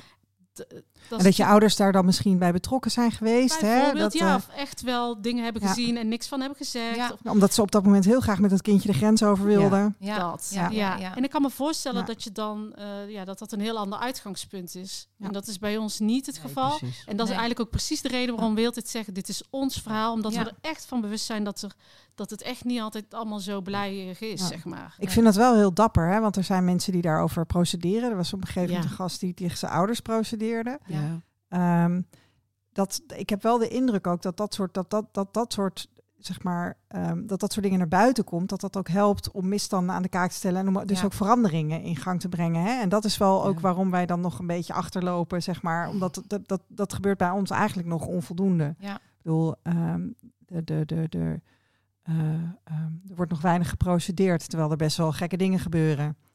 Ja. Ehm, Ja, Ja. dat Ja, geloof ik, ja. Dus dat is misschien nog een weg die nog. Ja. eh, Ja, ja, maar goed, ik, weet je, ik, ik heb, als, je, als je kijkt hè, naar eh donorconceptie. ehm eh, nee, jullie zijn ongetwijfeld ook bekend met het internationaal verdrag van de rechten van het kind. Ja. Hè? Ik vond het heerlijk toen ik daarvan hoorde. Dacht ik, oh, ik heb, oh, ik heb ook rechten. Ja. Het recht om te weten wie je ouders zijn. eh. Het recht om, als dat ook maar enigszins kan, bij ze op te groeien. Ehm, nou ja, de, de, de, de, de, de- die, die, die, die wet eh, eh, op, op de kunstmatige bevruchting, zeg maar die huidige wet, eh, die is getoetst bij de Hoge Raad. En die strookt eigenlijk niet met dat internationaal verdrag van de rechten van het kind. Dus eigenlijk is donorconceptie niet houdbaar. Maar ja, iemand moet dus, iemand moet daar werk van gaan maken. Ja. Ja. Ik heb een Ja. baan, ik heb twee kinderen, ik maak een podcast, weet je. en ik ben... Maar dit is wel een oproep. Wil er iemand opstaan nu? Nou, maar serieus, Ja, dit is wel, serieus. dit is Ja, wat er, dit is wat er moet gebeuren. maar ik- Ja. Want dat je pas op je zestiende mag weten wie je ouders zijn, is natuurlijk echt fucking koekoek. Ja. Ja. Dat, dat, dat moet je, weet je, waarom niet gewoon alles open? Ja. Ja. Als, Maar zou ja. je dat, ehm, want dat zie ik nu wel eens, niet persoonlijk, maar ehm, bij eh, kinderen die geadopteerd worden. Dus tegenwoordig zijn het open adopties. En dat ouders, dus opvoedouders, zeg maar, hè, Ja. dus eh, alvast de ouder zoeken voor het kind. Mhm. Ehm, eh, want dan hebben we ze in ieder geval gevonden en dan, nou, dan hebben we dat in ieder geval gedaan met de beste intenties. Is dat dan, zou dat dan beter zijn? En zouden jullie dat, hoe zou je Ja, dat dan dat, dat, is een vraag, dat is een vraag aan jezelf, vrees ik. Want ik heb echt... Als ik- het gaat om, eh, om Ja. eh, donorconceptie, zou, Nou zou dat dan... Dat gebeurt, hè? Dat er eh, vrouwen voor donorconceptie gaan en dan ehm, horen ze nu de- van het gebruik van de internationale DNA-databanken en dan is zo'n kind twee en dan willen, ze- komen ze bij, bij Stichting Donorkind eigenlijk nu om dan, want wij willen op zoek. Nou, dat, Ja, ja. eigenlijk precies Ja, dat. zelf, ja. Toch? Ja. Nou ja, weet Is je, dat Dat is een dan- beetje dubbel natuurlijk, hè? Ja, dan wordt het ook een beetje een spelletje, hè? Dat Ja. je een anonieme donor gebruikt en dan vervolgens Ja, ga dat je... is wel bijzonder eigenlijk. Ja, en dan, en dan denk je van, oh leuk, we gaan vast op zoek naar Ja. broertjes en zusjes. Nee, wat, wat, wat je wel ziet, weet je, er wordt vaak sowieso ook aan ons inderdaad gevraagd van wat is dan wel acceptabel. En ik vind, ik word er altijd een beetje opstandig van, dat ik denk van ja, ik hoef dit probleem niet op te Ja, lossen, ja, ja, weet ja, je. precies. ik stel het aan de kaak, Ja, maar ja, ik heb ja. ook niet de oplossing. Nee. Maar als ik dan, als ik dan eh, in mijn omgeving kijk, ehm, dan denk ik dat de meest, charmant, de meest charmante oplossingen die ik zie, is eh, bijvoorbeeld twee mannen en twee vrouwen die dan eh, met elkaar een kind krijgen. Eh, en dat, dat, dat hè, dus een soort een vorm van meer ouderschap, waarbij je lesbisch en een homokoppel hebt. En nou ja, dat zo'n kind in twee gezinnen opgroeit. Ja. Ehm, de, de, ehm, er zijn ook gewoon donorvaders al van jongs af aan in het leven van donorkinderen. Maar ja, goed, weet je, het luistert best wel nauw. Want je hebt dan ook wel van die donoren. Ja, dan mag zo'n kind één keer per jaar langskomen. Ja, ik weet ook niet wat je Nee, nou hebt aan nee. een, aan een, aan, een donorvader waar je één keer per jaar... Ja. Ja, het wordt je dus niks van voorbaat al ingewikkeld Ja, gemaakt. het is wel complex. Nou, daar hadden jullie het volgens mij in de podcast in een aflevering een keer over met een gast. En die vertelde dan, eh, gasten, een dame, en die vertelde dan van ja, dat ze dan wel eh, uiteindelijk een, een kind wilde via donor. En dat ze dan eh, vond dat die vader dan wel het kind mocht zien, maar moest niet denken dat hij de vader mocht zijn. Ja, ja, Ja. maar een kind mocht wel Ja. papa zeggen. Ja, Ja, Ja. en toen kreeg ik een error. ja. Ja. Ja. Nou, dat snap ik. ja, dat snap ik heel goed. Ja, Ja, ja. ja. eh, maar dan denk ik, eh, dan wil je gewoon een, een papa voor je kind, maar jij wil bepalen hoe dat ingericht wordt. Ja. Hè? En jouw vraag hè, over of je dan dus als, als ouders die dan een kindje ter adoptie geven, al op zoek moet gaan zeg maar, naar de mensen die dan voor jouw kindje gaan zorgen. Nou, dus dat adoptieouders dus alvast eh, de biologische ouders zoeken. Oh, oh, dat Voordat- zei je al. Oh ja, Hè, ja. Voordat eh, het kind zelf Ja. heeft bepaald ja, of ze Ja. dat wel willen. Nou, daar, ben ik, daar, ben ik, daar ben ik geen voorstander Nee. van. Ik nou, word, ik vond hem ook eh, best wel... ehm, Er zijn ook kinderen die niet willen zoeken. hè? nou ja, ik, word, ik Ja. word dus benaderd ook door. ehm, ik heb nu. Ik maak, ik maak mee dat, eh, eh, dat ik mijn moeders benaderd word. Of ik, wil, hè, of ik wil helpen zoeken naar de vader van hun jonge kind. Ja. En ik, ik ben ook eh, een tijdje terug benaderd door de vrouw van iemand. Die, en, eh, nou ja, dan met haar man in CC. Nou ja, ik heb ze wel de weg gewezen. Maar goed, op het moment dat er dus echt wat moest gebeuren... en er contact gelegd moet worden met matches... heb ik, heb ik wel aangegeven, ja, dit voelt voor mij niet goed. Nee. ja. Ehm, iemand moet zelf op zoek. Ja. En eh, iemand is zelf ook gewoon de regisseur van zijn eigen Precies. zoektocht. En wat je vaak ook ziet, is dat, dat mensen gaan zoeken. En dan op een gegeven moment, nou, ik had laatst nog iemand die, die, die wilde contact gaan leggen. En die appt mij toch en die zegt, nou, ik merk dat ik het nu gewoon even niet aan kan. Ehm, je, het gaat vaak in golfbewegingen. Weet je, iemand Mhm. moet zelf het tempo aangeven. Ja. Ja. Ik vind inderdaad dat je vast op zoek gaat. Ja, het, het is, het is geen spelletje. het Nee, is geen. ja. eh, ja, ik vond het ook eh, bijzonder. De Ja, regie maar ik is vind wel dit- kwijt ja. dan van het kind. Maar ik vind ook een beetje dubbel van, ik, ergens ben ik het mee eens met de regie bij het kind laten maar- leggen, maar ik hoorde laatst een verhaal en toen was ik toch weer heel getriggerd naar de andere kant. Dus een collega van mij die heeft een ehm, pleegdochter en ehm, ja, niemand ging haar eigenlijk vertellen wie haar vader was, maar dat was dan wel bekend. Ehm, en en hij heeft dus gezegd van, hé, maar dit is jouw vader. En eh nou heeft die meid een foto van die vader. En als zij meer wil, dan kan ze dus komen, zeg maar. En ergens vind ik dat, weet je, dat is wel de realiteit van dat kind. Hè? Waarom eigenlijk niet een kind laten opgroeien in de realiteit? Je moet, gewoon alle, je moet gewoon je ouders kennen. Ja, dat toch? is gewoon. Dus weet je, dat nou ook niet met een houden- foto of eh, maar gewoon, Nee, gewoon maar goed, zij, mensen. ja, als zij hem dus wil kennen, dan kan dat dus. Maar Ja, maar waarom? Maar, maar sowieso, je gaat toch. Ik heb, jij bent toch ook niet gevraagd toen je klein was van, nou, zou je je vader willen kennen? Nee, maar dit is een heel gewoon- ingewikkelde situatie waarom daar dan een reden voor is. Maar, Nee, maar ik vind dus juist in dit geval dat, dat niemand, niemand zegt tegen dat kind wie zijn vader is. En, en de pleegvader zegt dus van hé, maar dat is niet oké, want jij moet, jij Ja. moet gewoon weten Maar daar wie ben ik het eigenlijk helemaal mee eens. Ja, Dus daarom, dit daarom vind ik, vind niet ik toch meer dan ook een- logisch. ja, maar daarom vind ik toch ook een beetje dubbel. En dan hebben we het erover ouders die willen gaan zoeken voor hun kind. En dan word ik, krijg ik dan ook een beetje de kriebels van. Terwijl aan de andere Ja. kant denk ik van ja, als ik wil je dat nou dan van- wel van het kind horen eigenlijk. Ja, maar als je Ja, kijkt maar naar... waarom? En net zeg je van eh, waarom? Eigenlijk hebben ze het toch aan jou ook niet gevraagd. Nee, maar als je kijkt Nee, naar... nee, Oh, maar dat vind ik wat. Nee, maar, nee, maar dit vind ik. Ja, Ja, maar daar zit, daar zit nog wel een nuanceverschil in. Want het gaat erom van, is bekend wie je vader is? ja, Weet je, maar in, in, in- als je moet gaan zoeken, is dus niet bekend wie je vader is. nee. Dus daar vind ik wel, daar vind ik wel, Maar daar zit wel verschil Dan tussen. kan je het wel maar ik weten. vind dus eigenlijk dat je geen kindertjes moet maken waarvan niet bekend is wie de ouders Nee. zijn. Dat is Oké, even, laat ja, dat nee, voorop dat- staan. Daar zijn we het Daar zijn we het over eens. Maar als je kijkt dan naar het is, adoptieproces, dan is het zo, wa- wat daar dan vaak mis in gaat, vind ik. Dan heb je dus een dossier. Nou, eh, de, de, de- uiteindelijk klopt jouw dossier ook, soort van. Eh, maar er zijn ook heel veel. Dus, nou ja, Er wordt in nee ieder geval geschud, je er wordt moeder- nee Je in ieder geval je moeder kunnen vinden. hè? ja, Er Ja. zaten dingen in die waar waren. Ja, Ja. de- precies. Precies. Dus uiteindelijk heb je op basis daarvan wel je moeder kunnen vinden. Eh, maar er zijn ook heel veel dossiers die niet kloppen. En ik denk dat dat, dat is het probleem. Kijk, uiteindelijk als het dossier klopt, dan heb je uiteindelijk als kind nog de regie om te zeggen: hé, hey, ik eh, ben, eh, weet ik veel, nu zo oud en ik wil gaan zoeken. Ik heb hier een dossier, informatie. en Met, de, met die informatie kan ik gaan zoeken. Maar als je dossier niet klopt, dan heb je dus niet meer Nee. die keuze om te zeggen. Ja, dan heb je nog steeds de keuze om te gaan zoeken, maar dan wordt het allemaal veel moeilijker. Ja. Dus daar denk ik de baas dat het dossier gewoon klopt. Wel Hey, adoptie dan. Even een vraagje, hè, want eh, ehm, er is natuurlijk nu oorlog in Oekraïne. Ja. En eh, Ja, ja, de, de Oekraïne is ja. dus, eh, dat, daar is echt een hele grote industrie Mhm. eh, met draagmoederschap. ja. Ja, en ik, voor mij is draagmoederschap gewoon ook, de- ook gewoon een zo- georganiseerde vorm van adoptie. Ja. Ehm, Nou, ik had iets gedeeld op eh, mijn Insta dat er dus in Oekraïne zijn er nu eh, babytjes. Die zijn daar, eh, ja, daar, daar zorgt iemand voor, maar niet. eh, hun moeder. besteld. Die, die zijn besteld Ja, door Besteld. ook Nederlandse ouders. Eh, die zijn in, een- in een draagmoeder gedragen, zeg maar.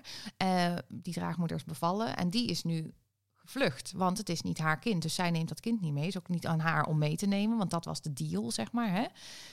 En die ouders kunnen dat kind niet ophalen.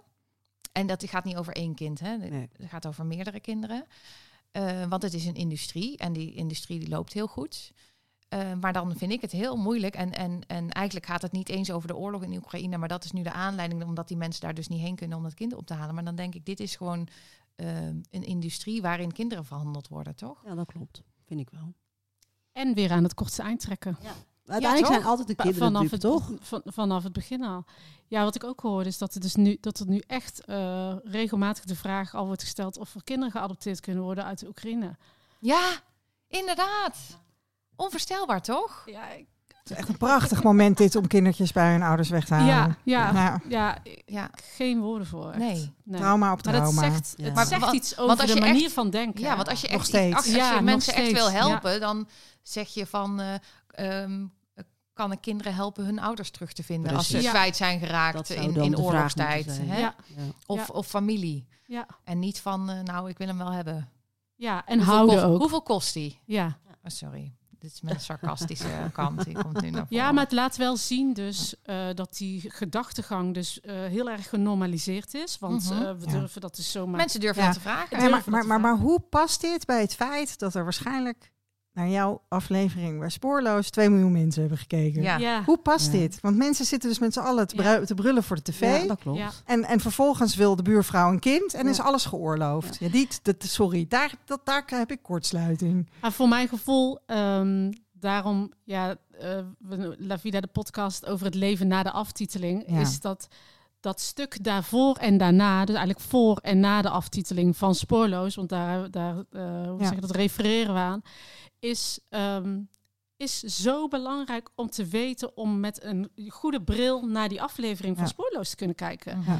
En, eh, Heeft Spoorloos jullie podcast al gedeeld? Nee, Nee. helaas, nog Jammer. niet. Ja. Nou ja, ik zou ze, heb je contact nog met ze? Nee, we hebben hun toen ook een bericht gestuurd. ja, we hebben ze wel een bericht gestuurd, maar gaan we eigenlijk bellen. zo Bellen. We gaan gewoon- Ja. Wij gaan altijd Dan gaan wij even Nee, want Gaan ja, Ja. toch? Ja, maar dat, als, dat ze begaan, als ze oprecht begaan zijn met het lot van geadopteerden, dan eh, Nou, goeie. zou ik het goeie niet gek vinden als zij hun socials hierop inzetten en Ja. zo. We gaan bellen. Ja, dat gaan we doen. Hey, ik heb dus een vraag eh, Oh. gekre- binnengekregen voor jullie. Iemand vraagt in hoeverre, eh Eline trouwens, die vraagt... in hoeverre voelen jullie, jullie je thuis in dezelfde gemeenschap als donorkinderen? Dus ik denk dat ze bedoelt alsof we, of we in clubjes zijn. Een clubje? ik ga sowieso niet zo van clubjes. Zijn jullie, maar... zijn jullie, oké, ander woord, ander woord voor clubje. Oei, oei, ze is allergisch voor clubje. Iets anders. Ik denk dat wij eh, twee hele leuke clubjes zijn die heel leuk met elkaar kunnen praten en veel overeenkomsten hebben. Maar Zo, dat er ook wel genoeg verschillen zijn om een eigen clubje te houden. Wel, hè? Het zijn ook Dan wel kunnen ze nog niet inlijven, want daar hadden we het over. We beginnen gewoon een be- podcastbedrijf. We, we, we lijven jullie in. ja, ja. Maar eh, ja, goed, zover Ja. is het dus nog niet. Mooi, gezegd, zijn we nog net eh, niet. Deze. Mooi Ja, gezegd. ja, ja, ja. Nou, dat, dat was hem. Ja, dat, dat was, was de enige vraag. Nou ja, en er Dus, was eh, nog iemand die gereageerd had wel, toch? Oh, heb ik niet Ehm, gezien.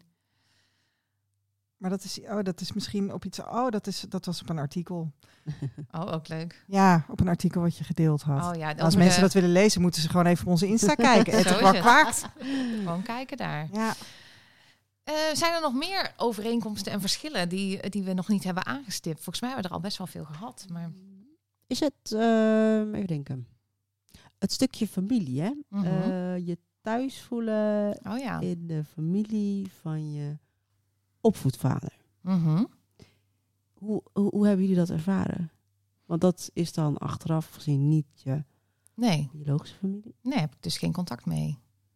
Oké. Ja. Maar, dat toen je- Maar dat is wel een beetje moeilijk, hè? Want dat is altijd, heb ik geen contact met mijn vader en zijn familie. Omdat, eh, want dat ging ook tegelijk een beetje met de scheiding van mijn ouders. En dat hoor je natuurlijk ook wel vaak. Maar eh, je hoort wel best wel vaak van donorkinderen die wij spreken van, hè, van dat, dat er bijvoorbeeld contact verbroken werd. En dat ze het gevoel hadden dat dat makkelijker gedaan werd, doordat ze dan niet eh, biologisch gezien verwant Maar waren. wie verbrak Maar dat- contact? Ja, familie. Hè, als dan, ja, ja, Nou, je ziet vooral bij scheidingen ja. dat. eh, ehm, En dat de en- familie maar daar, is dus geen wetenschappelijk onderzoek naar. En we weten, weet je, we weten ook niet wie er wel en niet donorkind Nee. zijn. Dus er is ook geen betrouwbaar Nee. wetenschappelijk onderzoek. Maar we horen wel vaak dat er dus na scheidingen dat er geregeld geen contact is meer is met de vader. En me- donorkinderen leggen dat dan, denk ik, vaak. Hè, je wilt verklaren als kind. Hè? Je Ja. wil dat je denkt. Ik weet nog toen mijn ouders gingen scheiden. Ik had geen contact meer met mijn vader. Wij konden ook niet goed met elkaar. Maar toen was ik eh, drie jaar later hoorde ik dat ik donorkind was. En toen dacht ik, oh gelukkig, dan ligt het dus niet aan mij. Ach, ja. eh, hè, dat ik niet een, een leuk kind was. Maar eh, ja, hij kon gewoon niks Ja. met mij. Want eh, Mijn vader zegt nu tegen verwant. mij van, eh, ik, ben, ik ben jouw vader, of dat is de laatste keer dat ik hem sprak, zeg maar, van dat ik zijn kind niet ben. En dat vind ik eigenlijk heel raar, want hij is wel gewoon, hij is wel nog steeds mijn Wat- vader. Wat vind Ja. jij? Hoe voelt dat dan voor jou?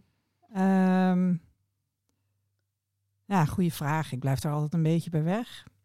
Ik vind het lastig. Ik heb hem al jaren niet gesproken en ehm, ehm, ik mis hem ook gewoon geregeld, weet je. Dus eh, ik bedoel, hij is ook gewoon de eerste elf jaar van mijn leven was hij met mijn, was hij met mijn moeder samen. Precies, Was hij gewoon mijn vader. Tot mijn 28ste wist ik niet beter dan dat, er, dan dat hij het was. Het verklaart voor mij wel achteraf ehm, toch ook waarom inderdaad het contact moeizaam is verlopen na de scheiding en zo. Ik, ik, ik denk wel dat dat, dat dat dan misschien voor een man helpt. Om dan toch, weet je, als je dan niet heel betrokken meer bent bij je kind, om dan te denken van ja, maar ja, Maar kennelijk voelde hij dan de vrijblijvendheid om na de scheiding te zeggen van, eh, ja. nou, daar ben je. maar dat is ook weer niet uniek voor donorkinderen. Hè? Dus dat is dan weer lastig. Nee, het is, ook, het is ook gewoon een jaren tachtig vechtscheiding. Maar, maar ja, we weten, we, we weten, weet je, we weten dus niet, We of, weten het, het of het vaker is. Nee. Maar je, maar je hoort het wel Ja. eh, in, in, in die geheime groep, hè, met eh, vaker. ruim 800 donorkinderen, zie je het gewoon geregeld langskomen. Ja. En ook wat je vaak hoort is dat, dat kinderen zich sowieso ook niet helemaal pluis voelen in het gezin. Hè? Of Ja. dat ze het Ja. gevoel hebben dat, dat er iets niet klopt. Ehm, en dat ze dan op latere leeftijd horen of erachter komen dat... eh, Ja. dat papa niet... eh, Ja, want eh, hoe kijken jullie daarnaar? Want dat, dan krijg je dat niet pluisgevoel. Hè? En dat kinderen dat ook vaak niet durven te bespreken. Of soms wel. En dat ze dan al tien keer hebben gevraagd van... hebben jullie de verkeerde meegenomen uit het ziekenhuis? Bij jullie was dat natuurlijk wel helemaal oud in the open. Ja, ik heb nooit een niet-pluisschool gehad in mijn gezin. Maar ik heb wel als, zeg maar, als het gewoon gaat om familieaangelegenheden. Ehm, ik weet dat iedereen heel veel van me houdt in de familie. Maar eh, als je daar dan zit, dan word je... Voor mij eh, had ik altijd wel een soort van confrontatie. Van dan zit ik daar en kijk ik omheen. Zie ik allemaal blanke mensen. Nee, je herkent jezelf en natuurlijk je niet. herkent je gewoon jezelf Nee. niet erin. En dat heb ik altijd wel een soort van last van. ik moet zeggen dat dat eigenlijk eerder kwam dat ik wat ouder werd. Nou, maar toen ik jonger was, had ik er eigenlijk minder eh, last van. Ja, maar volgens mij Ja. heeft dat ook te maken met de ontwikkeling van je persoonlijkheid. Ja, en dat je op een gegeven moment, voordat je door hebt, dat je echt inderdaad ook een persoontje bent en het verschil gaat zien met andere kinderen. Mijn dochter zat in de klas met een meisje, Valentijn. En ma- Valentijn was een meisje van kleur. En toen op een gegeven moment vroeg de juf van, nou, wat valt jullie op aan Valentijn? Nou, dat ze een hele mooie jurk aan had. En eh, weet je, niemand zei Nee. dat ze, dat ze, weet je, dus dat, dus dat duurt ook even voordat kinderen dat volgens mij dat, dat gaan zien, hè? Ja. Ja, dat geloof ik ook wel. Al voel je het wel.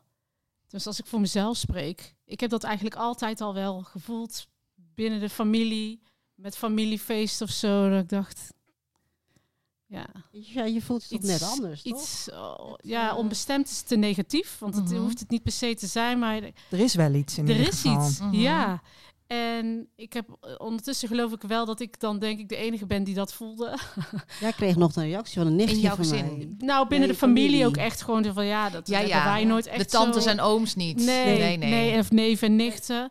Maar het is je eigen gevoel. En ik merk nu, ja, ik kom nou net terug uit Colombia, familiebezoek gehad, eh, familiefeesten gehad. En eh, dat, dat is voor mij wel de bevestiging van, ah, oké, zo, zo voelen zij zich dus waarschijnlijk ook met elkaar. Maar, maar ik dus niet. En hier, hier in Colombia, toen ik in Colombia was, dacht ik, ah, nou voel ik het. Mhm. Ja. Dit is... Dit is het, het, het echte Familie, gevoel. echte Dit is, ja, En was dat dan fijn naar, of ook maar- nog confronterend eigenlijk? Het was ter plekke super fijn en toen ik terugkwam, heel verdrietig. Ja, Ja, kan ik het is me voorstellen. ja. Ja. Het is Ja. ook zo'n pokken eind weg. Ja. Ja. Het is niet even om... Nee. Nee, Nee. als het nou België was of Ja. zo. Ja. Ja, precies. Ja, en dan was het qua cultuur het nog iets minder. Ja, ligt het eh, dichterbij, maar- ja of Spanje, maar- weet je wel. Gewoon, eh, wel. Maar weet je wat, mij ook, wat jij nu zegt, denk ik, jouw eh, familie, die kan zich ook niet eh, dat bedenken of voorstellen of voelen. Want ja, die zijn opgegroeid in, in hun eigen witte familie. Ja. Dus die, die, kunnen zich dat, die kunnen hebben waarschijnlijk nog nooit bedacht nee. dat jij je zo voelt. Nee, Nee, die nee. reacties kregen we ook terug van eh, familieleden. Zo Mijn nicht stuurt nog een bericht, jeetje, en ik heb eigenlijk nooit beseft eh, dat jij dat dan zo moest ervaren. En zij heeft dat zelf daar zo nooit naar gekeken. Nee. Nee. Nou, wat waardevol dan dat jullie dat wel vertellen nu, hè? Ja, Ja, heel- zeker. Heel mooi. Zeker, ja. Ik heb dat natuurlijk nu ook met mijn tante uit Colombia, is nu hier in Nederland. Oh jeetje, allerlei En, ehm, familiebezoek hebben Ja, jullie. en ik had een ehm, foto geplaatst op Facebook. En ik had wel een soort van nagedacht over de tekst erbij. In het kader van dat andere familieleden het ook lezen en mijn ouders wellicht. Ehm, maar ik had eronder geschreven, ik eh, nou ja, zo blij dat mijn tante hier is en ik voel me eh, net iets completer. Hm. En toen eh, sprak mijn moeder, vorige week of zo. Toen zei ze, ja eh, Jen, ik, eh, ik zag je foto en je tekst. Ja, en dat raakte me toch wel heel erg. Toen Ja. dacht ik, ja, ja, dat is de andere kant. Voor Ja, haar ja. was dat toch wel... eh, Maar dat is niet erg. Nee, mensen mag dat er zijn? zijn. Ja. Ja. Nee, maar je merkt dat je daar toch dan over na gaat denken. Want je, ja, maar je was al Mm, voorzichtig met het schrijven. ja, Ja. precies. Ja. Want, je, want je wil niet je ouders kwetsen of zo. Maar ja, ik dacht, ik, wil, ik, ik wilde er toch iets over zeggen.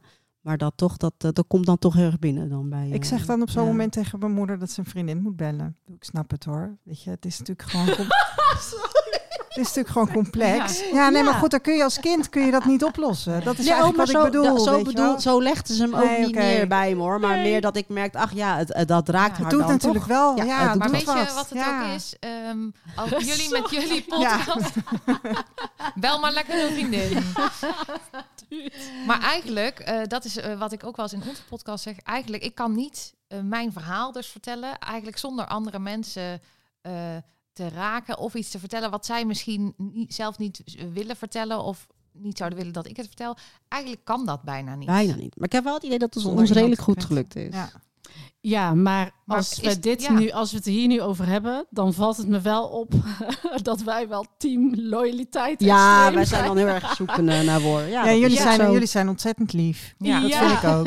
Maar ja, maar dit, Ja. dus we, je, van kleins af aan leer je dat, voel je ook dat het zo gevoelig is, denk ik. Ja. Ja. En dat het ehm, los van gevoelig, want je kan gevoelig op verschillende manieren interpreteren. En helemaal denk ik, als je er een ervaring mee hebt van, oh ja, maar eh, je hebt zelf ook niks tegen mij gezegd. Of eh, weet je wel, je Mhm. hebt zelf ook dingen achtergehouden. Dat zou mij persoonlijk, denk ik, wel helpen om er iets wat harder in te Ja, kunnen dat zou mij harder hebben van- gemaakt. Ja, Ja. zeker. Ja. Maar dat, het, die ervaring Nee, hebben wij Hebben wij helemaal niet. Nee. Dus Nee. ehm, je wil ook gewoon heel lief zijn voor je moeder. Ja. Ja, want Ja. Zij, zij hebben natuurlijk ook Zijn ook heel lief. pijn. ook lief voor ons geweest, ja. ja. Ja. Ja. Nou ja, en goed, en de situatie, ik bedoel, het vertrekpunt is voor hun natuurlijk ook verdrietig geweest dat Ja. ze geen kindje konden krijgen. Ja. Precies. Bedoel, daar zit ook trauma. Ja. En, en ik kan me inderdaad ook voor zij voelen, ook met jullie mee. Ja, en dat voel je ook. Ja. Dus Ja. die steun voel je heel erg. En dan, ja, dan komt daar uit voort, denk ik wel, een hele grote loyaliteit. Ja. Die is van nature al groot en dan wordt, Ja. wordt, hierdoor groter, nog groter. Ja. Ja. Ja, je wil ze gewoon niet kwetsen. Nee. Onnodig. Nee, ik hoor jou net ook best wel trots zeggen van nou, ik denk ook dat het ons, ons lukt. En toen dacht ik van, oh ja, dit is zo grappig. Ja. Want ik probeer juist, eh, niet dat ik trots ben dat ik eh, eventueel misschien mensen kwets met, die, met dingen die ik zeg. Maar wel dat ik trots ben dat ik denk van, oh ja, het lukt me wel vaak om eh, bij mezelf te blijven. Ja. En, en me uit te spreken. En dat vind ik zo, ook zo'n grappig verschil weer. Of grappig, is misschien niet het goede woord. Maar Nee, toch heel wel wat je- opvallend. Ja, Ja, heel het is opvallend, wel toch? opvallend. Ja. ja, ja, En doordat we het er nu over hebben, de, hier gaan we het nog even over hebben. Ja. Met de microfoons uit. Ja, inderdaad. ja. Nou, zullen we j- jullie heel erg gaan bedanken dat jullie er waren? Ja, ik vind het echt Nou, onwijs Jullie bedankt voor de eh, uitnodiging. Ja. Ja, echt Leuk. eh, Superleuk. heel fijn, eh, mooi gesprek en weer heel leerzaam. En eh, ja, andersom ook, Ja, zeker. zeker. Laten we van elkaar blijven leren. Ja. Ja, ja. dank En, voor jullie komst. Allemaal Luistertip, naar, eh, luistertip voor, eh, voor onze luisteraars. ja, allemaal naar La Vida, de podcast luisteren. Yes. Ja, nou tof, dankjewel. Jullie ook bedankt. Dan ter afsluiting, eh, volgende keer hebben wij... eh, oh ja, nee, eerst zeg ik... Reet ons alsjeblieft. Hè. Geef ons Ja, sterretjes ja, op allerlei plaatsen. Deel de podcast als je dat zou willen met de mensen die geadopteerd zijn of donorkind zijn. Ehm, en word eventueel, als je dat wil, vriend van de show op www.vriendvandeshow.nl slash de streepje kwak streepje kwaakt. Yes!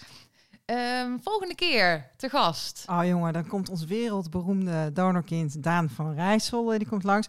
Volwassen man, hè? Ja. Even, Lang Eh, verwacht, maar eindelijk. ja, na drie keer corona, eh, roet in het eten, komt hij komt hij langs. eindelijk. Heel leuk. Ja.